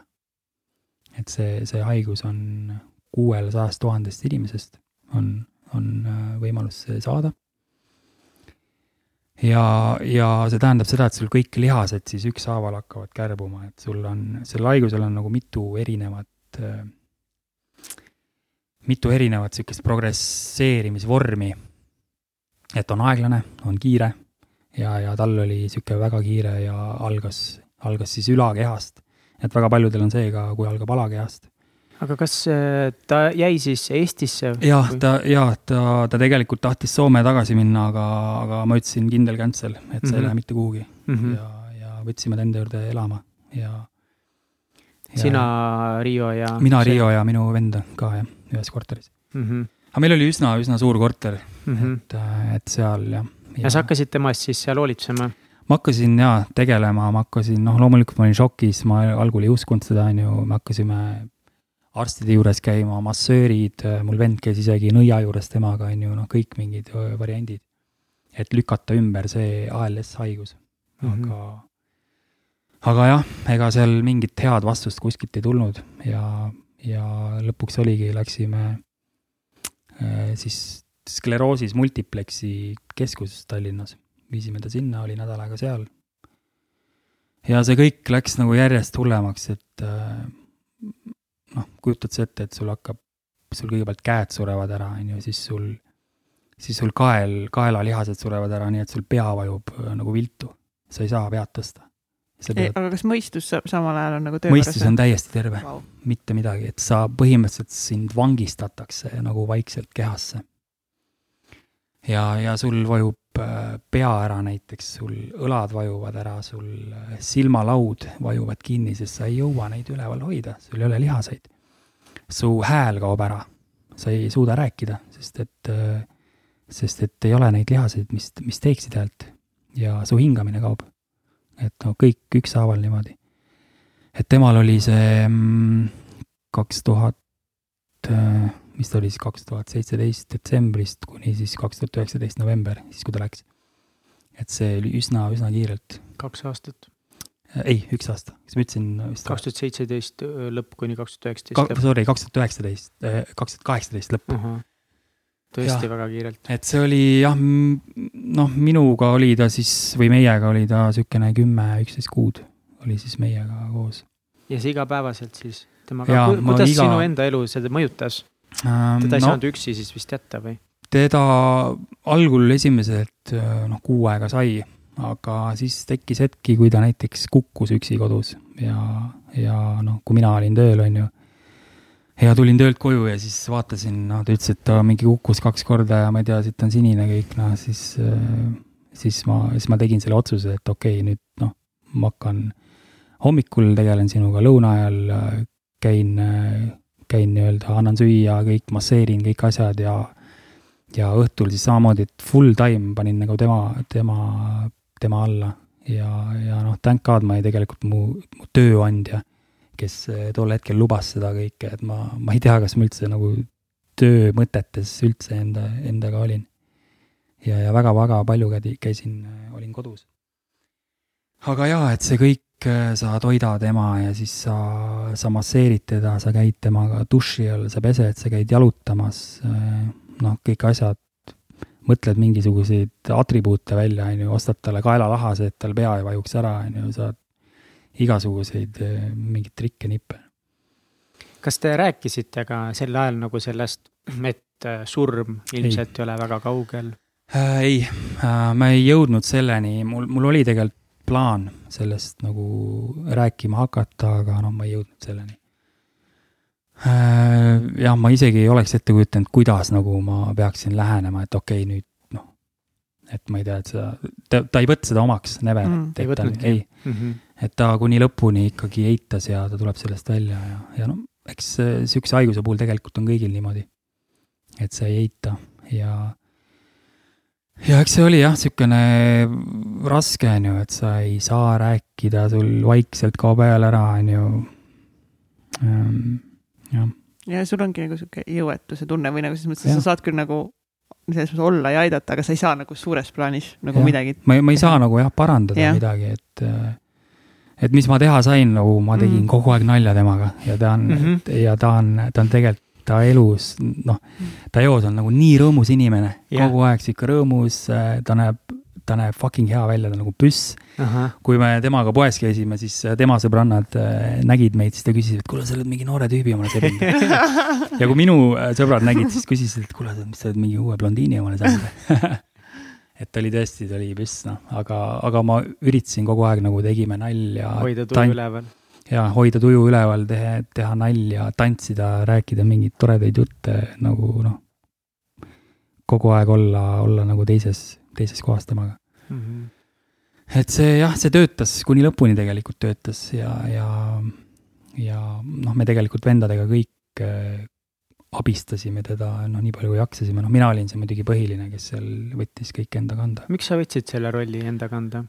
Mm, sest esiteks ma mm, elasin, on ju, koos, eks teine vend oli, elas mujal ja, ja see vend, kes, kes meiega elas, et ta, ta, ta aitas küll mingil määral, et käis temaga jalutamas, aga aga kuna tal endal on niisugune autism ja Aspergeri sündroom natukene, et siis on tal vaja natuke juhendamist ja ta läheb väga-väga kergelt närvi.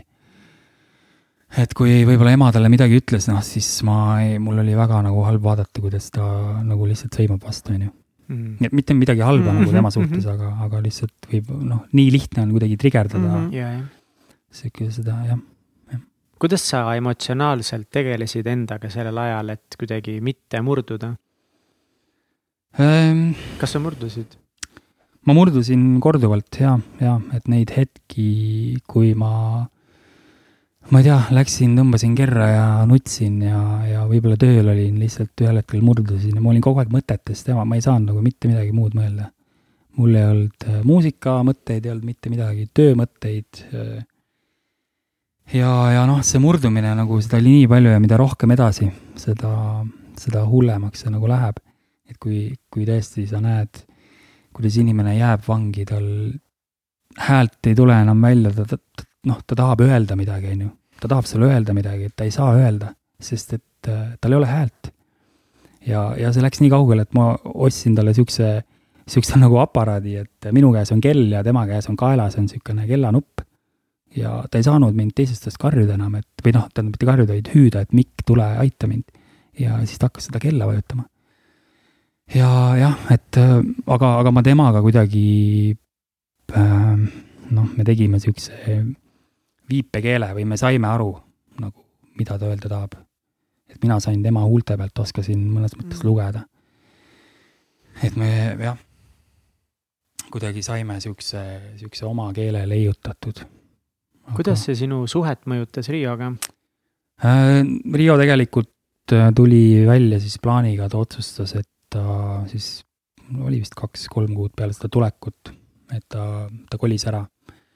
Et kuna ema oli siukses väiksemas toas ja me tahtsime talle anda rohkem ruumi, siis ta kolis ära äh, ühte siis üürikasse ja me saime ema siis panna suurde, suurde tuppa, kus, kus tõesti sai panna nagu matid maha, mingid võimlemisasjad, suur voodi, suur telekas, megasuur tugitool on ju, et tal, tal, et tal oleks niisugune nagu printsessi elu ikkagi.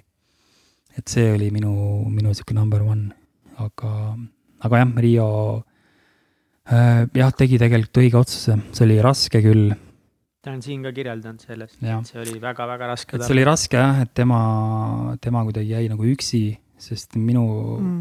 ma, ma ütlesin tõesti, et Riio, ma armastan sind, aga aga mul ei ole kahjuks praegu aega nagu mõelda, mõelda nende asjade peale. loomulikult me tegime väga-väga pikki kõnesid ja ta oli mulle kogu aeg nagu toeks ja abiks. Aga, aga jah, ma olin ainult, ma olin ema oma terve see aeg, olin ainult ema jaoks.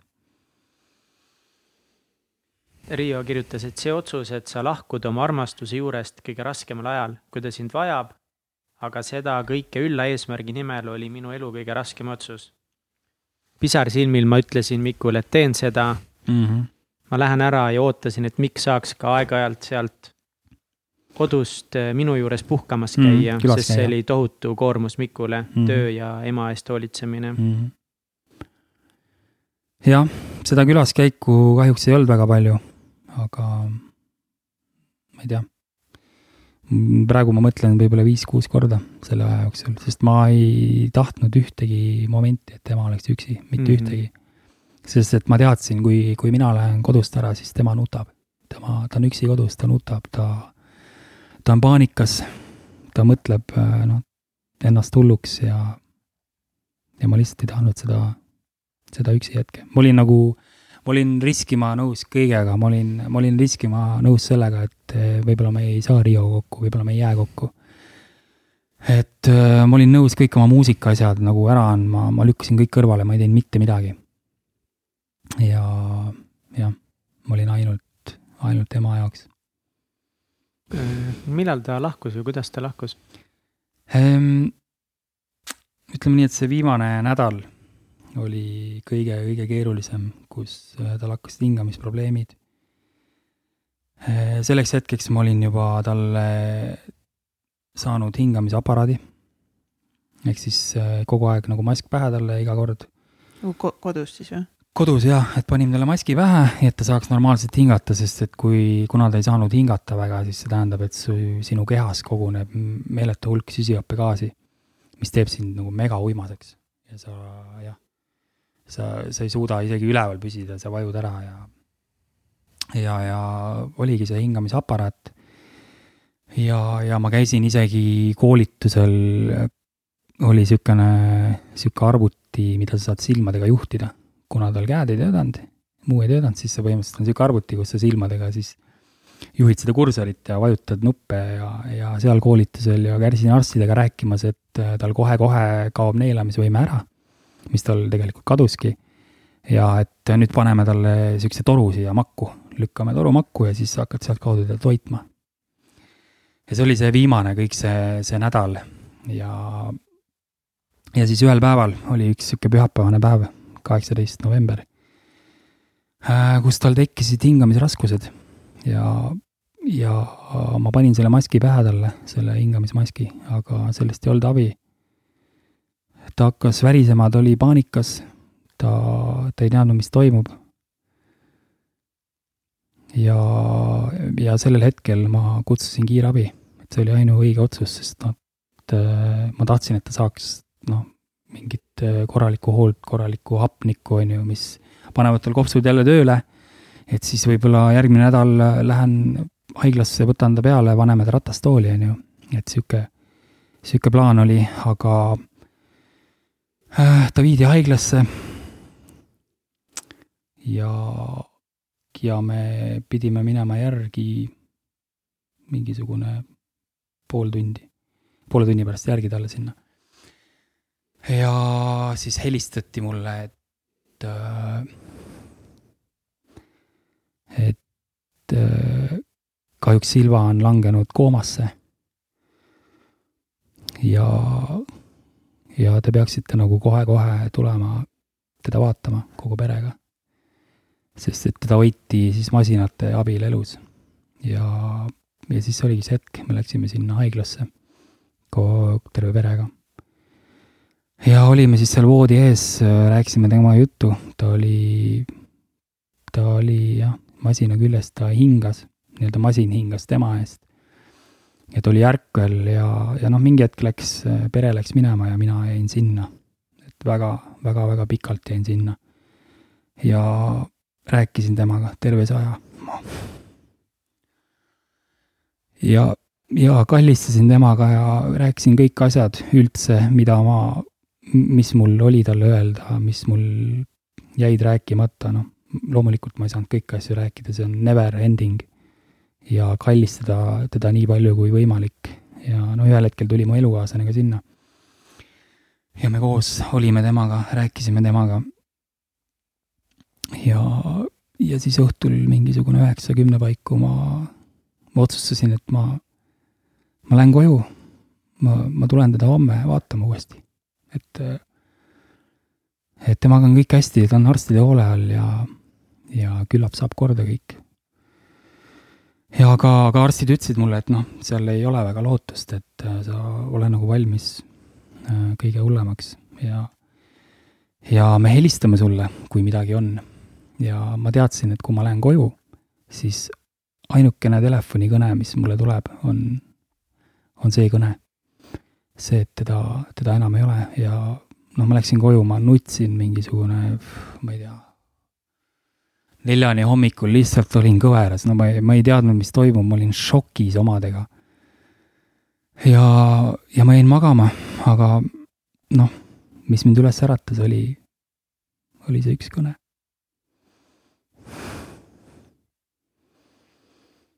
see üks kell kuus null viis hommikul tuli kõne. et teda ei ole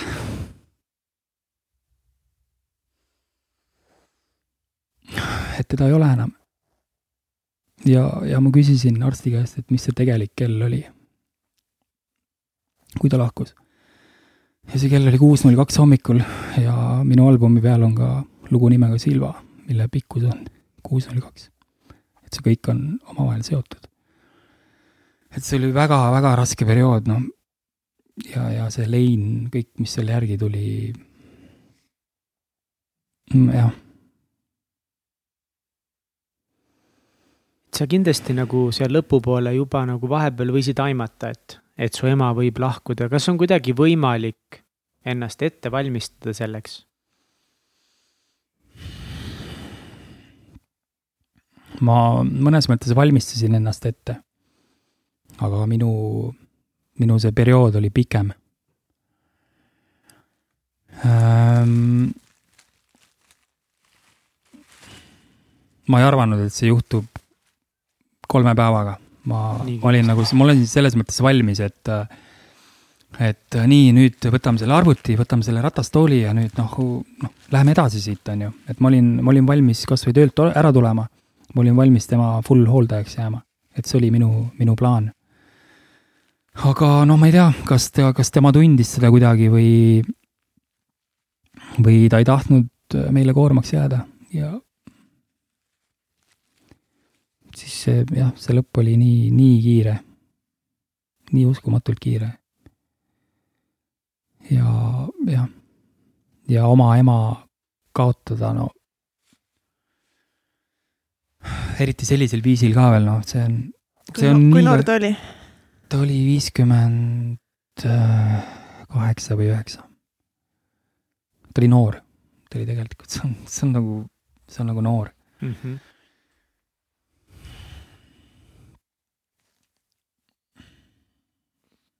kuidas sa ennast äh, pärast jälle kokku korjasid, kas sa suutsid ennast kokku korjata? mm,. see, see oli mõnes mõttes nagu kergem oli nagu kokku korjata, et äh, et ma ei ole niisugune tüüp, kes langeb sügavale kuhugi masendusse ja mm, -hmm. ja hakkab seal, ma ei tea, noh, hulluks minema, on ju, ma noh, ma teadvustasin, mis on juhtunud, mis toimus. ja, ja ma lihtsalt võtsin päev, päeva järgi, noh, eks see noh, kõik sealt järgi on ju, matuste korraldamine, kõik, kõik see on nagu mega-mega keeruline ja, ja noh, kõik ema asjad ja kõik tema pildid ja noh, kõik see, et no ma murdusin nendel kordadel nagu nii, nii palju, nii, nii palju terve sellel hoolduse ajal. ja, ja peale seda, et mul noh, Riio teab öelda, et see lein kestis no mingisugune aasta aega vähemalt, vähemalt, et siiamaani, kui ma, kui ma mingitel asjadel mõtlen, mis ma temaga olin, siis tuleb, tuleb pisar silma ja, ja on olukordi, kus, kus ma ärkan öös, öösel nuttes üles, et äh, mingid, mingid asjad nagu mõjutavad. Mhm. et see on nii, nii ränk, aga, aga õnneks oli äh, kaks kuud tagasi üks olukord, kus ma ärkasin nuttes üles. ja mul tuli me- meelde unenägu, mis ma nägin. ja see unenägu oli sihuke, et äh, oli minu ema. ja ta ütles, et Mikk, ära muretse, kõik on hästi. ja siis see, see tunne nagu, see on nii fucking võimas. see, see on see märk, mida ma ootasin tegelikult Jah. väga-väga pikalt. ma nagu, ma ei tea, kus ta on, mida ta teeb. ja, ja see jah, kui see öö oli, noh siis on, ma järgmine päev olin hoopis nagu teine inimene. hoopis kuidagi nagu, ma ei tea, teed olid valla, ma teadsin, emaga on kõik korras, ta on turvalises kohas. Temaga on kõik hästi. aga eks see jah, eks see tuli muidugi hiljem natuke sihuke haavade lahtirebimine, et eh, kui, kui tead siis niisugune inimene nagu, nagu Jane Paberit, kes siis, kellel oli samasugune haigus ja mm, kes tegelikult käis või läks siis Šveitsi eutanaasiat tegema, kuna ta ei tahtnud, et see haigus liiga kaugele läheb. Ja kui ma sellest teada sain, siis loomulikult ma jälle murdusin, ma noh, mul tuli kõik see asi jälle tagasi ja ma istusin maha ja ma kirjutasin Janele ühe pika kirja.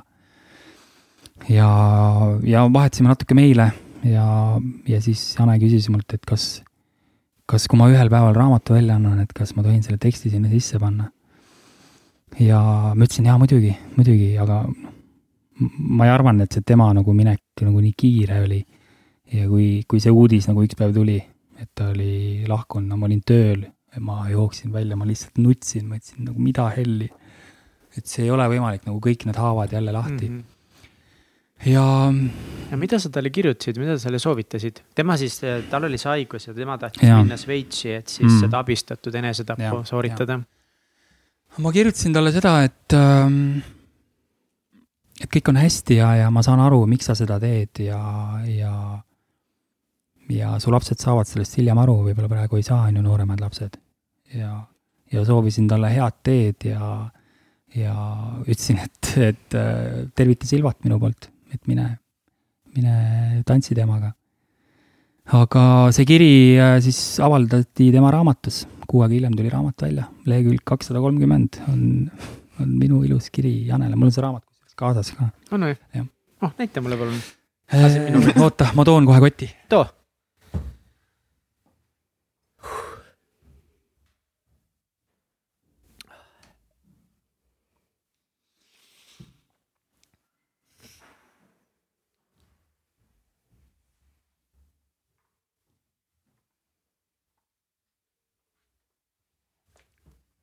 Kui eh, kaugel arenenud see temal oli? Äh, Janel oli niimoodi, et tal vist hakkas see altpoolt, et ta oli ratastooli läks ja tal siis kõnevõime hakkas vaikselt ära kaduma. Mm et ta kuni lõpuni tegelikult suutis rääkida veel mm, -hmm. -hmm. tal, ta ei lasknud jah seda nii kaugele, et tal oli aeglaselt progresseeruv, okay.. siis ah. nii, kaks, kolm, null. Ma vist ei suuda seda ise ette lugeda, aga siukene no, ühe lehekülje pikkuline, pikkune kiri. mul on ette.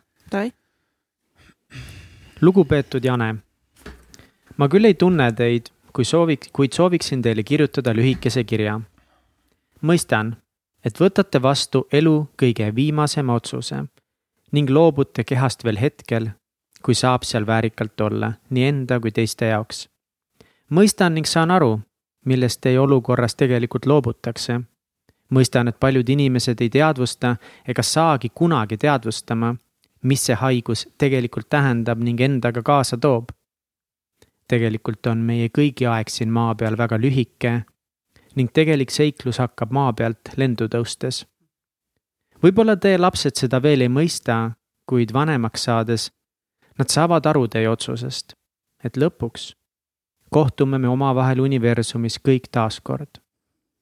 lahkumine ei ole elu kõige suurem kaotus, vaid kõige suurem kaotus on see, mis meie sees lõpeb, kui me veel elame.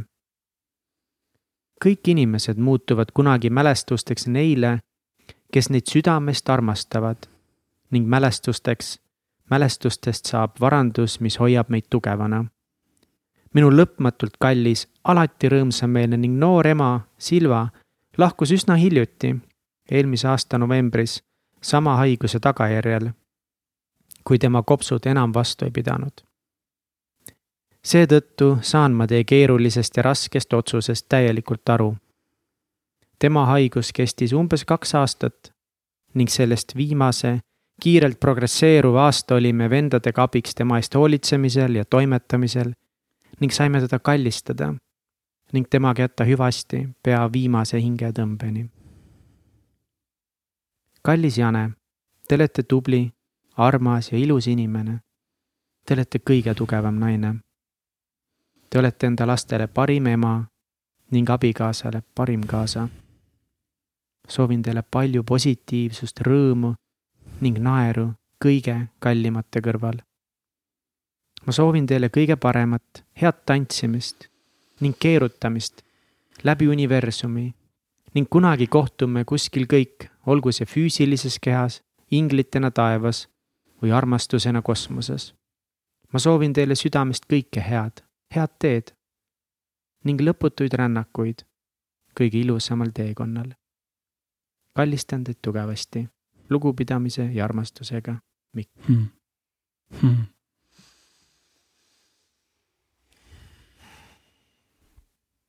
Jah, kuidas need kogemused on mõõt-, mõõtnud, mõjutanud sinu enda nagu väärtushinnanguid? see on pannud mu elu hoopis ümber hindama. et kui, kui habras tegelikult on elu ja, ja, ja võib täiesti suvalisel hetkel juhtuda mingisugune sündmus, milleks sa ei ole valmis.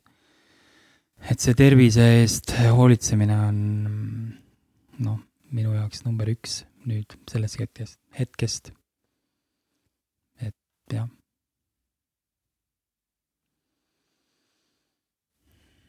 mis sa teed täna oma, oma tervises üldse teistmoodi?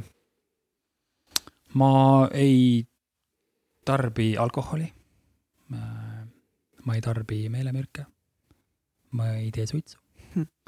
Ma ei joo piima, ma ei Nice. tee nisu. ma teen trenni iga hommik, iga hommik, ma mõtlen iga hommik. ma teen külma duši iga hommik. ma loen raamatuid. ja ja kuidas sa tunned ennast? Ma tunnen ennast kuradi hästi. päriselt. kas paremini kui nende mõjuainete all? muidugi, absoluutselt, et see, see kaine pilk on hoopis nagu, see on õige pilk. see on nagu õige, õige niisugune prisma, mille läbi maailma vaadata. ja ma ei tunne mitte millestki puudust, et mul, mul ei olnud nendest, ma ei olnud nendest nagu sõltuv justkui, see oli kuidagi äh,, kuidas sa ütled, recreational või? Mhm. lihtsalt, et oleks tore. et mul ei olnud probleeme nagu nendest äh, neile ei öelda. mul lihtsalt tervis oli see, mis äh, liikus siis number üks pulgale üldse minu tegemistest. kuidas sa ise suhestud nagu meie surematusega ja sellega, et meie mis aeg ma on arvan, mis juhtub? meie aeg on siin, ei mitte mis juhtub, aga ja kuidas, räägime sellest ka, mis juhtub. aga kuidas sa nagu hakkama saad sellega, täna on minu jaoks üks, ma olen nagu ma arvan aastaid juba tundnud, et ma liiga palju muretsen selle fakti pärast, et ma jään vanaks ja et elu läheb tegelikult päris kiiresti. mm.. Mm, noh, selle jaoks me ju niimoodi aeglaselt vananemegi, et me ära ei ehmataks. tegelikult nii see on, ju. hästi öeldud. aga, aga jaa, eks see tuleb nagu niikuinii, et minu jaoks on oluline jah, mis ma saan siin korda saata. mis ma endast nagu maha jätan, eks see kõigil on tegelikult sama, sama mm, -hmm. Mhm. et tahaks ikka midagi maha jätta, midagi ägedat teha. Me otsime. elule seda meaning, mis see meaning eesti keeles nüüd on? tähendus. tähendus, jah. mis on elu tähendus? kõik otsivad nagu mingisugust Mm. mm. tähendust oma tegevustele, oma, oma eksistentsile mm., et äh, võib-olla, et mitte, mis on nagu elu mõte üldiselt, aga et mis on see tähendus, mis on minu elus. Mm. miks Ma- mina olen siin, jah, mis ma tegema pean? mis see Ja- purpose, kuidas on eesti keeles? jaa, see on jah, huvitav küsimus on ju, mis, miks me siin kõik elame, on ju. lihtsalt oleme siia maa peale pandud, naudime seda, seda galaktilist keha, mis meile on antud. tunneme rõõmu asjade üle. ma ei tea, Mm. kas meil, kas meil on mingisugune kõrgem eesmärk? võib-olla on, võib-olla kuhugi kaugemale liikuda, Mhm. intergalaktiline rass olla ühel Jaa, hetkel. ma arvan, ma arvan, et see on meie eesmärk, no kogu Jah. aeg ikka edasi. Muidugi. ikka edasi muidugi jah, see on et nagu, me oleme siin ajutiselt siin planeedil Maa kaua me siin ikka maakera peal oleme, et ja noh, edasi miljon aastat parem. ja seda võib-olla ei ole enam, on ju. et lähme kolime, oleks aega hakata mujale kolima vaikselt. aga aga mis sa arvad, jah jah., mis pärast surma saab? täpselt. mis saab? Ehm, mõnes mõttes mulle meeldib see reinkarnatsiooni mõte ja mulle meeldib, et hing nagu mingisugune osakene lendab galaktikasse ja otsib endale uue mingisuguse füüsilise keha, kus ta siis saab jälle ennast äh, näitama hakata, teostama hakata oma Mhm. tegusid. mul on kuidagi niisugune Mhm. mõte, mõte meeldinud, et see hing, mis meie sees on, see on, ta ongi mingi, ta on mingi füüsiline asi ikkagi, ta on mingi energia Mhm.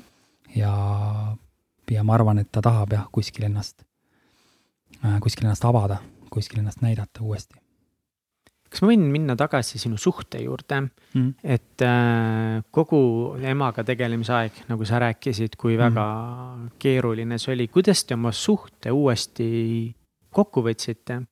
ja kus te täna oma suhtega olete, kui sa ütlesid, et mingi hetk sa olid valmis ka Mm. selle mõttega rahu tegema, et te lähetegi lahku? Mm. Äh, no praeguseks hetkeks me oleme suhtega kõige paremas seisus üldse, et see tegelikult on meid teinud tugevaks, tugevamaks. ja nagu ma ennem ka ütlesin, siis ta on, ta on mulle noh, terve selle aja kogu aeg toeks olnud, ta on see üks inimene, kellega ma räägin noh, tegelikult ema ajal oli ka, oli ka mul teisi abilisi, mul oli näiteks hingehoidja, kellega ma pidin rääkima, onju. kellele ma võisin helistada ja rääkida, kurta oma mure ja siis tema, tema lahendas, aga, aga meie suhte ülesehitamine, eks ta kuidagi niimoodi vaikselt hakkasime rohkem, no hakkasin külas käima, hakkasime rohkem äh, koos veetma aega ja ja, ja istusime maha, rääkisime oma asjadest, rääkisime kõik läbi ja, ja noh, kümme aastat oleme koos olnud, siis noh, ja, ja me saame nii hästi läbi, meie huumorisooned on täpselt üks-ühele.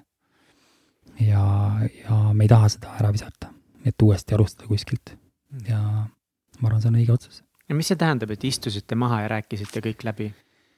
Äh, no tegelikult see oli minu niisugune, niisugune otsus võib-olla, et äh, ma ei tea, lähme jalutama ja räägime, et mis, mis meist saab nagu üldse, mida me teeme, et me kuidagi mingi hetk nagu jäime võõraks.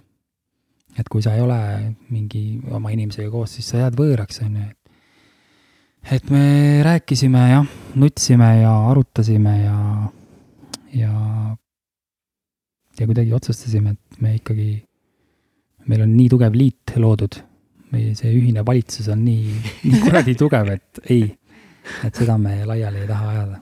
ma juba eile vist Mikuga kõnes üt- ütlesin, et, et siin kõlab nagu üks eh, uus eh, suhtesaade Riio ja Mikuga oo. koos, et me siin ikka tahaks nagu Šalin ja Sven käisid, et, et selles mõttes miks mitte nagu aeg-ajalt kutsudagi paare ja rääkida nagu. Riio räägib ja mina punastan.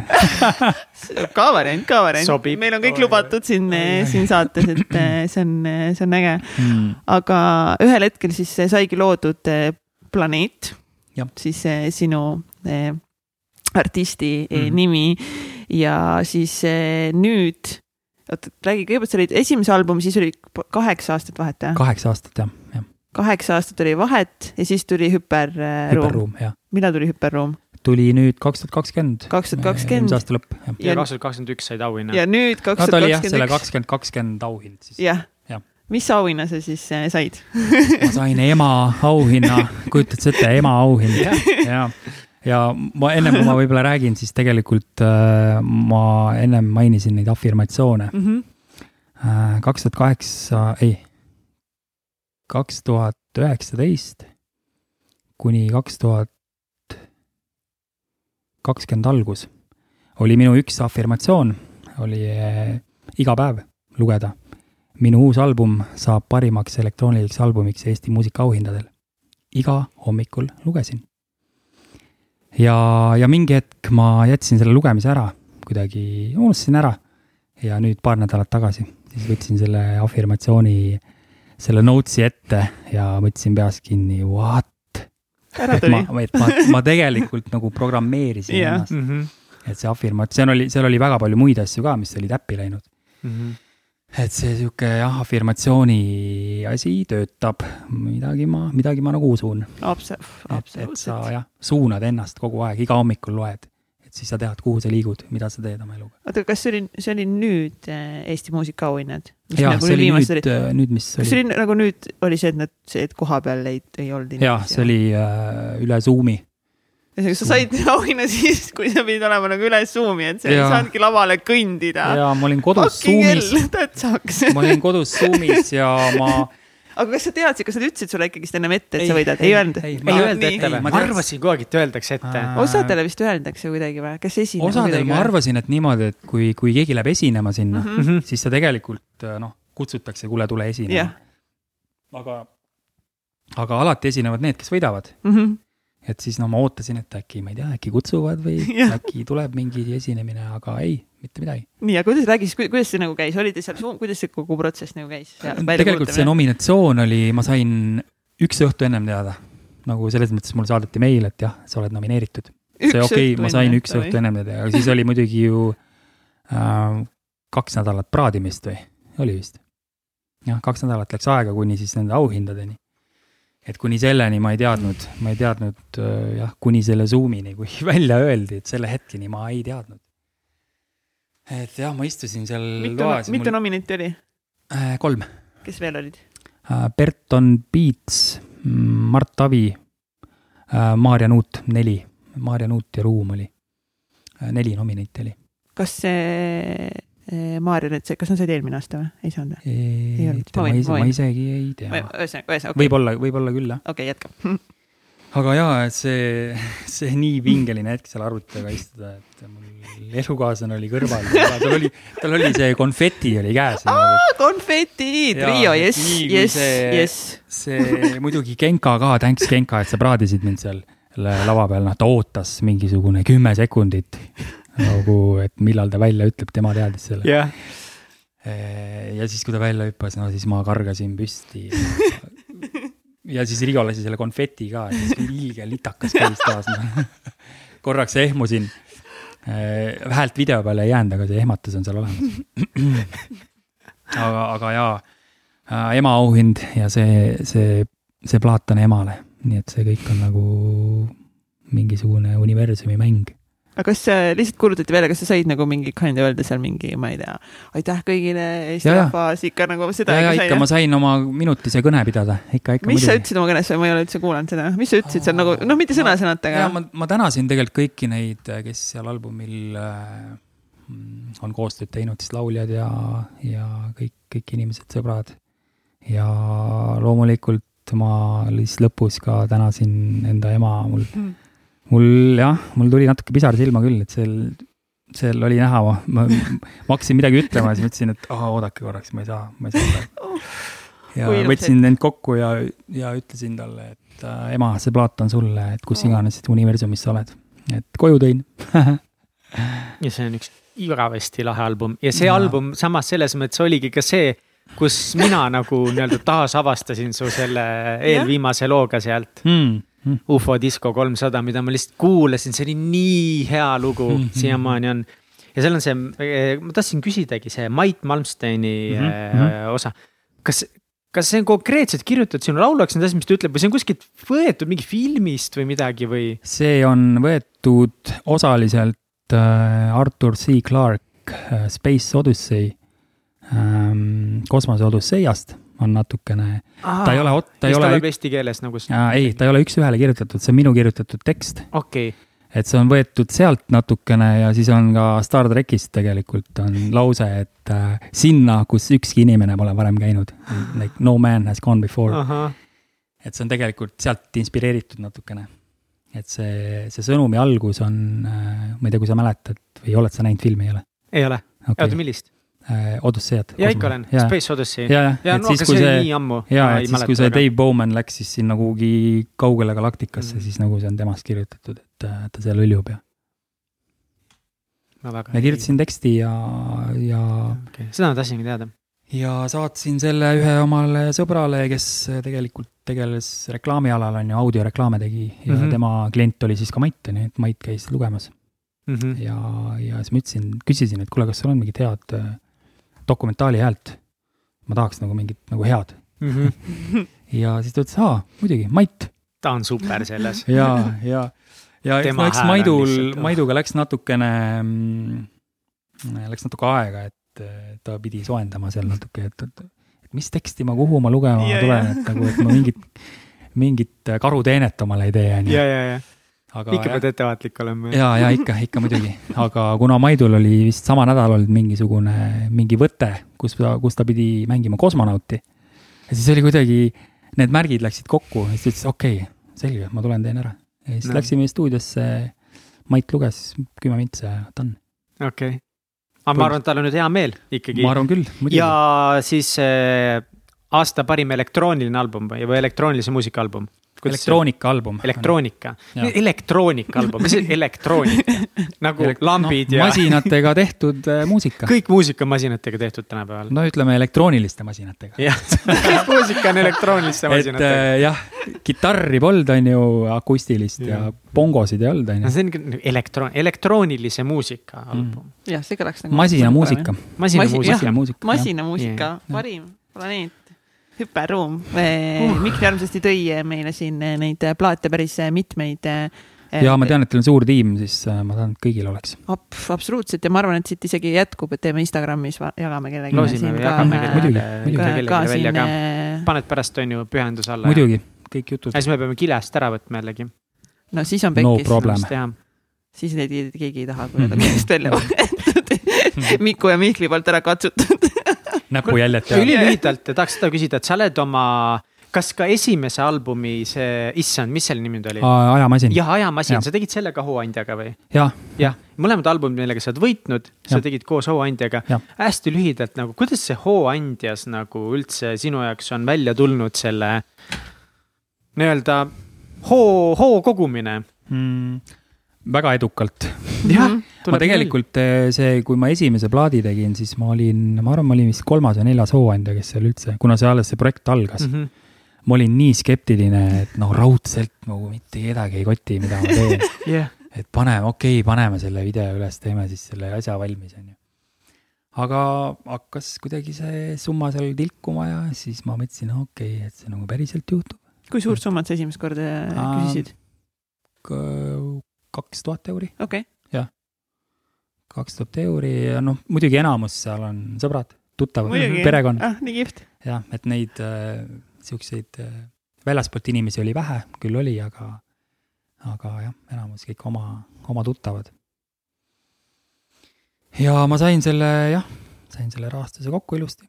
aga mi- kas see oli lihtsalt selle jaoks nagu, et lihtsalt ennast nagu noh, kuidagi nagu premeerida või oli see raha oligi see nagu takistus, et seda albumit teha ta tollel hetkel oli küll jah mm? mm, -hmm. et okay. ma oleks selle ilmselt äh, saanud ka ise ära teha. aga siis ma oleks pidanud oma mingid säästud puruks lööma ja no ma ei tea. Mm -hmm. kuidas sina üldse arvad ja kuidas muusikud peaksid tänapäeval tasu saama? on sul, mis sinu arvamus on, sinu seisukoht? Neid tasu, tasumudeleid on nii palju tänapäeval Mhm. mm, -hmm. Patreon, mida meie kasutame, eks ole, Mhm. et lihtsalt toetatakse, on ju, hooandjaga mm -hmm. albumipõhiselt väga paljud teevadki mm Mhm. -hmm. niimoodi maailmas. mingi Spotify'd või see, et Mhm. ikka full on raadio ja tele ja no eks see Spotify on see põhiasi, mida kirutakse, on ju, et yeah., et sa justkui saad mingi miljon kuulamist ja siis tuleb kümme dollarit arvele, on ju, et siukene. et võib-olla Spotify on see koht, kes võiks rohkem artistidele raha maksta. ja, aga noh, enamus äh, artistide rahast tuleb ikkagi esinemised. et mingisugune esinemised, plaadimüük, mingi merch'i müük, et see on sihuke enam, jah, enamus sissetulek. aga kuidas see võiks olla? kuidas sinu meelest oleks nii-öelda ideaalne lahendus? mis sinu meelest oleks aus?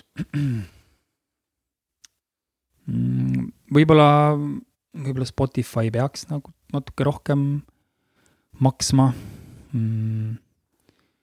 Plaadifirmad on ju noh, igal plaadifirmal on erinev leping on ju, palju ta maksab välja ja palju ta jätab endale.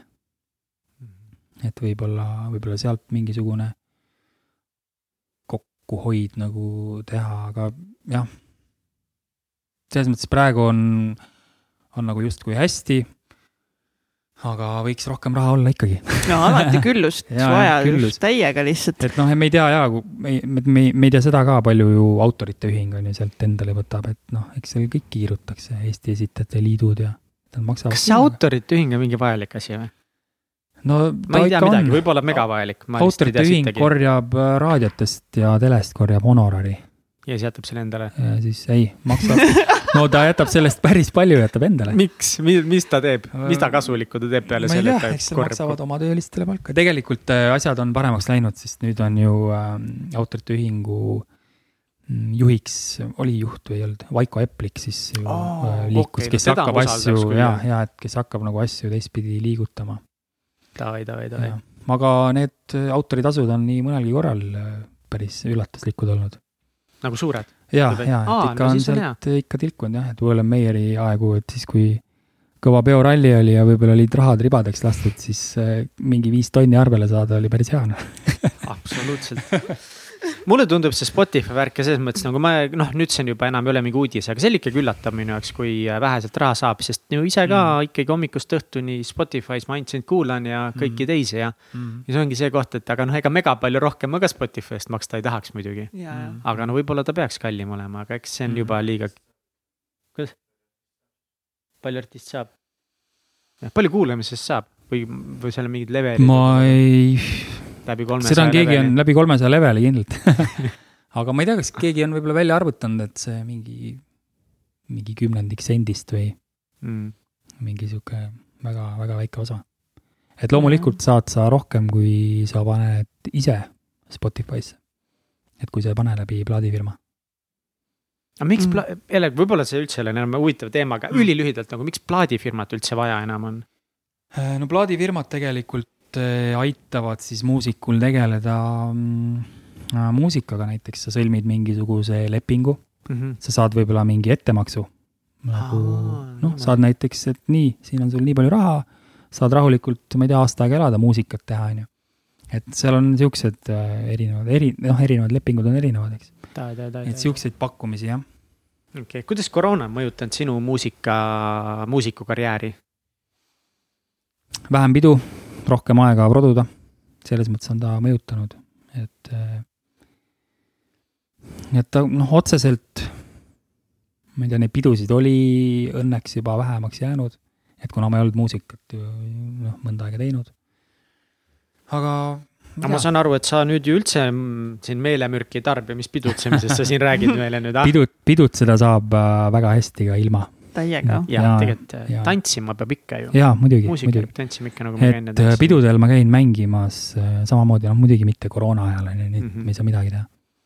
aga loomulikult jah, peol käia, jood teed, jood vett, jood alkovaba õlle. et sa ei pea, ei pea uimane olema. jah, tuli praegu siin üks mõte, mida teha. ma arvan, me peaksime teha te,, tegema ühe e, virtuaalse ufodisko. Peaks nagu tegema mingi peo rahvale nagu, peaks nagu mingi värki tegema. teeks nagu mingi Zoomis vaata kuskil, no me tegime just ühe lihtsalt ühe, ühe selle transformatsiooniseminari Zoomis ja see oli päris edukas. tõmbaks inimestele mingi peo käima nagu. nagu striimi sihuke pidu jah Nojah. mm.. inimesed on ette, paneks sitaks kodudes. tehtud küll ja ma ei tea, nagu mulle tundub, et need ei toimi väga. aga mind ei huvita. Nagu ma usun, et kui meie võtame Jaa. selle nagu, selles mõttes, kui me teeme midagi ägedat, siis inimesed tulevad ja Mm. ja, ja ikkagi tahavad vaibida, eriti praegu nagu selles mõttes, et me ei vaata, mida teised on nagu selles mõttes. saad aru, Mihkel, mis ma mõtlen et see, et nagu nimeks- teistel on ebaõnnestunud, see ei tähenda, et meil peaks ebaõnnestuma. selle nimeks saab panna siis äh, pekkis ekstaatiline või? Pekkis ekstaatiline jaa, muidugi võtame siin, võtame teisi ka punti, vaata, kutsume mingi Rain Tungeri ja kes neil seal on Jaa, väike ekstaatilised eh, värgid siin, aga neil on jah, see, mis need kakaod ja asja joovad. toorkakaod. toorkakaod, noh vot, kodus mm. -hmm. inimesed teevad toorkakao endale ise valmis, vaibid, ennem väiksed väelaulud, jutud, nupud mm. -hmm. siis tõmbame tantsud peale mm..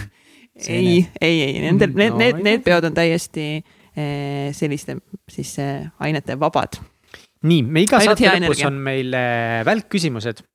mm. võib-olla sa oled mõnda välkküsimust küsinud, aga. küsinud. küsinud. küsinud olen, äkki oled küsinud ka. Riio käest olen küsinud rohkem. no näed, vot täpselt, ma tahtsingi seda küsida, ma ei eksinud, ma ei vääratanud eh,. niimoodi, kas sul on olulisi rutiine või harjumusi, teed igapäevaselt, iganädalaselt?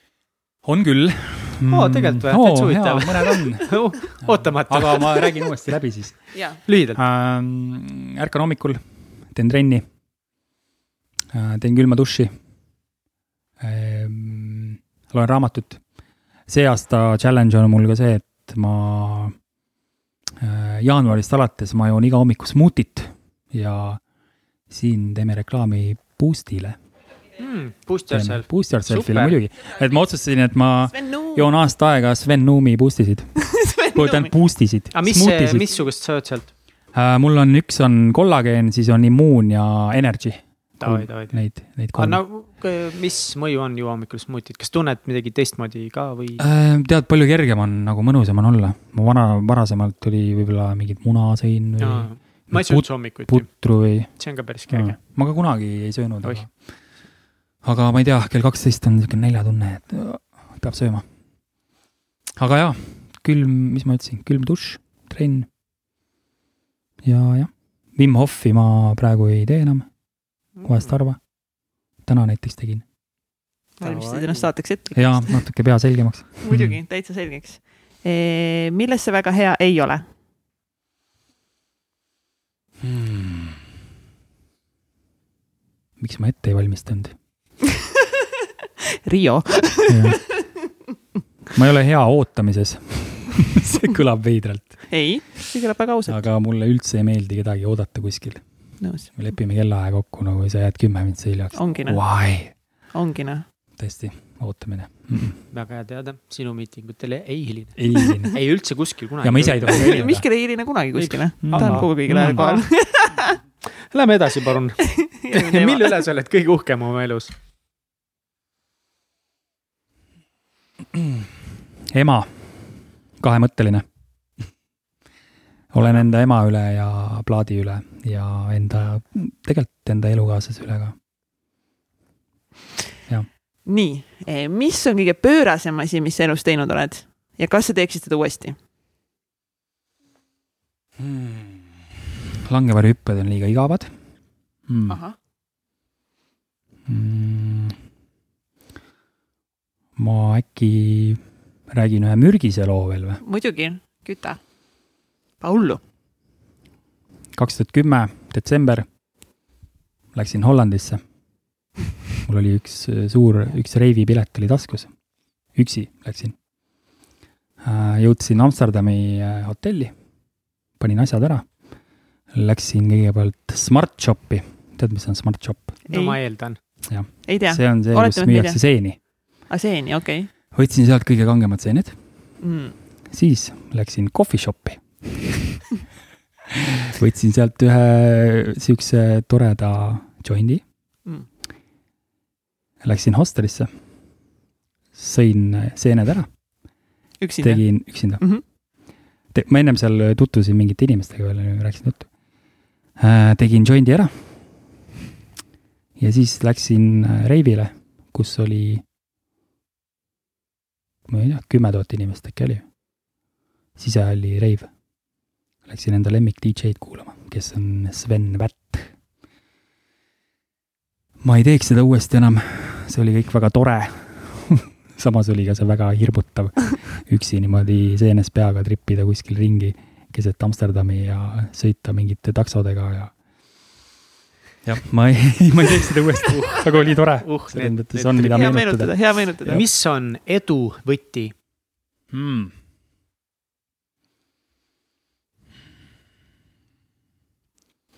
kui krüptodest rääkida, siis äh, privaatvõti, oh snap, aga.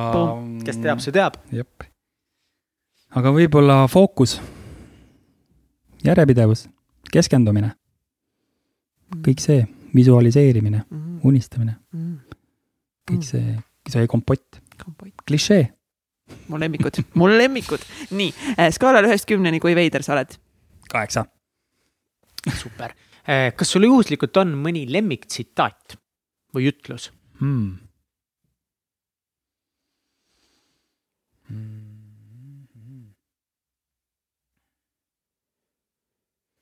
mulle meeldib äh, teekond heaoluni on maraton, mitte sprint. ja selle võis olla öelnud Alar Ojastu äkki. Shout out to Alar Ojastu Shout, to Alar kes üks hetk tuleb meie on üks saatesse. nendest, aga mulle meeldib, oota, mul vanaisa ütles kunagi, et äh, üks asi on kindel, et mitte miski pole kindel ja see kurat pole ka kindel. super äh, hästi öeldud. nagu me saate alguses rääkisime, siis sulle tohutult meeldib raamatuid eh, lugeda ja meie poolt siis eh, kingituseks meie ja Millel Mindset, keda me siin täna juba juba siin maininud oleme. praegu hea aeg kõigil lugeda raamatuid, tellige e-poest, nii. saad valida siis ühe raamatu. siin kohe esimeseks, kui oli Imetoomik, siis on mm, Mhm. -hmm. ma ei tea, Imede valem, oled sa seda lugenud, ei ole? see on loetud, see on loetud jah. mm. kusjuures see Simon Sinek ka raudselt loetud, ma küsin, miks Start with Why on ju? ei ole, ei ole, okei okay., jopas praegu. nii, siis on mul eh, tulemuslikkuse kunst, sinu konkurentsieelis, Jim Stovali oma. vaata kui hea, sa saad siin kahest välja valida siin. mõlemad punased raamatud, punased mustaga Mm. kujundused. kumb kõnetab rohkem, vali see. Esmalt küsi, miks, ma arvan, et see on õige. ma vist. olen Rioga sellest rääkinud muidugi, see on eh, Simon. Sinek, see on kuld, täiega hea. that's the one. hea valik, hea valik, Mikk, väga. kus äh, meie kuulajad saavad sinu tegemistel silma peal hoida? Äh, Facebook mm, kaldkriips, audioplaneet. Instagram planeet.dnb on kaks kohta ja minu koduleht audioplaneet.ee, kus saab osta plaati, kasseti. varsti ka uuesti särke ja varsti ka vinüüli vinüüli. ja vinüül tuleb, ostab vinüüle? vinüül on hullult populaarne On? ja, nii et ikka noored ostavad neid vinüülimängijaid asju. vinüül on äh, väga popp, sest tegelikult äh, vaata Nublu andis ju plaadi välja vinüüli peal andis või? ja Voh, ja sellel kahju. tehti kaks pressi minu meelest kindlasti uuesti, nii et üks müüdi läbi mm. -hmm. tehti uus, müüdi läbi. Minu meelest kaks, kaks korda trükiti. kas vinüül, kas see on nagu mingi lihtsalt nagu lahe hipster värk kuulata vinüüli või seal on mingisugune erisus või eripära ka vini- vinüülimuusikal? no eks vinüül on alati siukene soe, mõnus, nagu soe sound on, kõlab nagu teistmoodi ja mm., ja kui sa võrdled mingi noh, MP3-ga on ju, siis sul üks asi on, mis sa hoiad käes mm. -hmm. füüsiline. ja vinüül on jah, see on juba tundega, vaata, paned selle vinüüli Jaa, sinna, paned selle käima, jah, just, just, et sa nagu lähed nagu hingega sinna muusika nagu juurde mm, mitte siis paned mhm. Spotify'st play, vaata, hoopis teine tunne. mulle meeldib Spotify. vinüüli antakse tänaval välja küll, näiteks mina nägin äh, poes müüdi Push-Upi geisha vinüül. tead What? siukest lugu või? jah, ei tea. jah, Push-up kõlab tuttavalt, nagu peaks teadma, jah. aga ei ole kindel. igatahes mina tänan sind, et sa jagasid nii isiklikke Mhm. ja olulisi lugusid oma elust ja mul on nii hea meel, et läbi kõige selle pöörase, mis sa kogenud oled, sa oled nii normaalne vend. ja et sa teed seda muusikat, mis toob meile rõõmu ja viib meid natukese kosmilisemale lainele, kui me igapäevaelus oleme. aitäh. aitäh ja ma tahaks öelda veel, et oluline on äh, see, kuhu sa oled jõudnud, mitte see, mis sa oled nagu läbi teinud. Et kõige olulisem on see, kus sa praegu oled, Mm. et äh, jah. aga aitäh kutsumast. nii tore, nii tore ja aitäh veel kord eh, Riiole ja, ja kõigele sellele, mis meid viis siia tänasesse hetke, alates lihtsalt sellest, et Mikk, Mikk, Mihkel tuli vanasse Mm. kontorisse sisse meile lihtsalt kõrvaklapid peas, ta lihtsalt, ta ei öelnud tšau, öelnud tere, öelnud mitte midagi, lihtsalt oma nende kõrvaklappides ja lihtsalt vaibib seal ja see ei olnud nagu mingi korraks vaibimine, nagu see oli lihtsalt mingi minut aega pluss mingi võtab joped seljast ära, mingi võtab kõik Mm, mingi, ei mm, mind ei eksisteeri nagu, lihtsalt täiesti nagu ma olen mingi davai, siis ma filmisin seda, siis ma panin Instasse ja siis eh, Riio nägi seda ja siis ta kohe kirjutas ja sealt nagu kogu see värk hakkas tulema, nii et nagu nii lahe. ja see, see kiri Janele, ma arvan, on üks mm. Kõige ilusamaid asju, mis, mis ma üldse kunagi olen eh, kuulnud, et keegi on kellelegi kirjutanud, et see puudutas eh, mind kindlasti ja. ma ei tea, sa oled lihtsalt nii nunnu ja nii tore inimene, nagu sa oled lihtsalt nagu nii humble, nagu. Teie olete armsad. nagu. ja väga tore, et äh, Riio ja sina ümber mõtlesite, sest alguses ma tean küll, sa üldse ei tahtnud tulla siia, sa olid põdema, sa olid täiega põdema, ma olen siiamaani tegelikult, see on jõhker väljakutse, jah, see on jõhker väljakutse tegelikult, et rääkida, aga aga kuidas oli, kuidas oli? Väga mõnus, no teiega on väga mõnus teha saadet päriselt ka, aitäh. et äh, mulle väga meeldis. ja, ja Mul kui sa nüüd meel, et seda saadet eh, kuulasid ja sa arvad ka, et me võiks ühe ufo ekstaatilise disko teha, siis eh, viska meile kohe Instasse värki ja siis vaatame, kuhu see, kuhu see viib, teeme mingid pollid, jutud, nupud ja siis. Boom, tšau. Tšau. aitäh, et kuulasid saadet Täitsa Pekkis. Saade tõid teieni Katrin Hindrikus-Karu ja Mihkel Vetemaa. tehniline juht Egert Karu. supernatas by Priin Tallo. ÜRO Supreme Manager Kelly Treu ja NASA juhtivanalüütik Kaari Aupaju. kui see saade läks sulle korda ja inspireeris sind, siis toeta meid Patreonis, patreon.com kaldkriips täitsa pekkis. tee ära. saadet toetavad United Dream Studios, Tint Disain, Million Mindset kirjastus ja Blender. järgmise korrani.